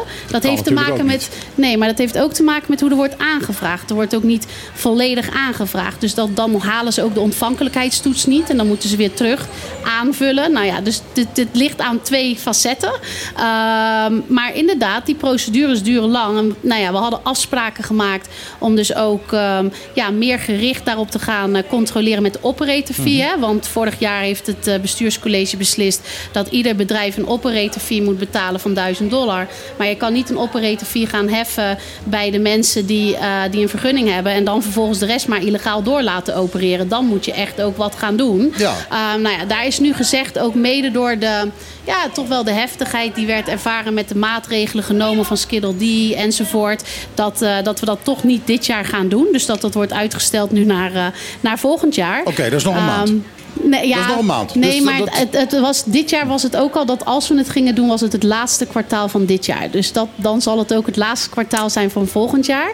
Serieus? Um, ja. Ja, ik zit hier echt dan. Ja, sorry. Nee, doorpakken. Ja, maar kan dat, toch niet? Ja, maar dat is dus het lastige eraan. Uh, doorpakken zijn ook hele trajecten. Die trajecten moet je ook samen afstemmen. Um, ja, en, en, en dat, dat is best lastig. Welke Maar dus moet een oproep aan, aan het bestuurscollege van jongens, ga haast maken. Ja, in principe wel, ja.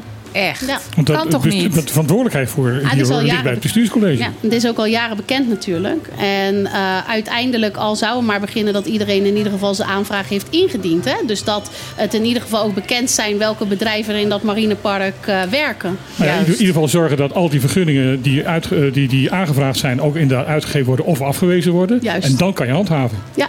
Ja, dat klopt. En de, kijk, nu, we handhaven wel, maar dan dus niet op de aanwezigheid van een vergunning. Dus dan is het altijd incidentmatig. Dus dan gebeurt er iets ernstigs. Een boot klapt om, beschadigt het rif. Dan gaat Stinape die boot terughalen naar de kant. En dan vervolgens, ja, het bedrijf gaat gewoon door hoor met ondernemen. Maar dan spreken wij wel dat bedrijf aan en zeggen van jongens, dit is niet hoe het... En dan krijgen ze een soort waarschuwing wat op archief gaat. En dan moeten ze het niet nog een keer doen. Maar dat is dan wat er gebeurt. Want je kan dan verder niet doorpakken. Want ja, die, die basis die ontbreekt. Ja. Maar wat krijg je dan? Boetes?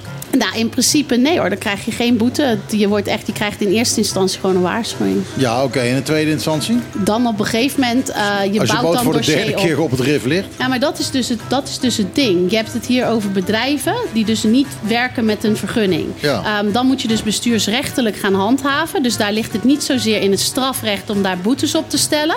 Daar moet je dus echt met je overheid uh, bestuurlijke handhaving op stellen. En afspraken maken van nou, hoe vaak mag nou zo'n bedrijf bedrijf eh, ja, eigenlijk zo'n incident creëren in dat marinepark. Want daar spreken we over. Hè. We hebben het nog niet Ja. eens over die vergunning.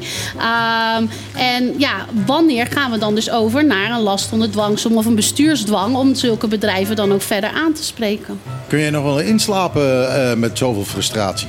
Nou, ik ben niet echt gefrustreerd hoor. Ik moet zeggen, kijk, we halen ook heel veel succes. Als je gaat kijken natuurlijk aan alle handhavingen die we hebben opgepakt richting de kust en het bouwen daar, halen we goede successen. Dus eh, ik vind het vooral heel interessant om te kijken hoe je samen verder komt.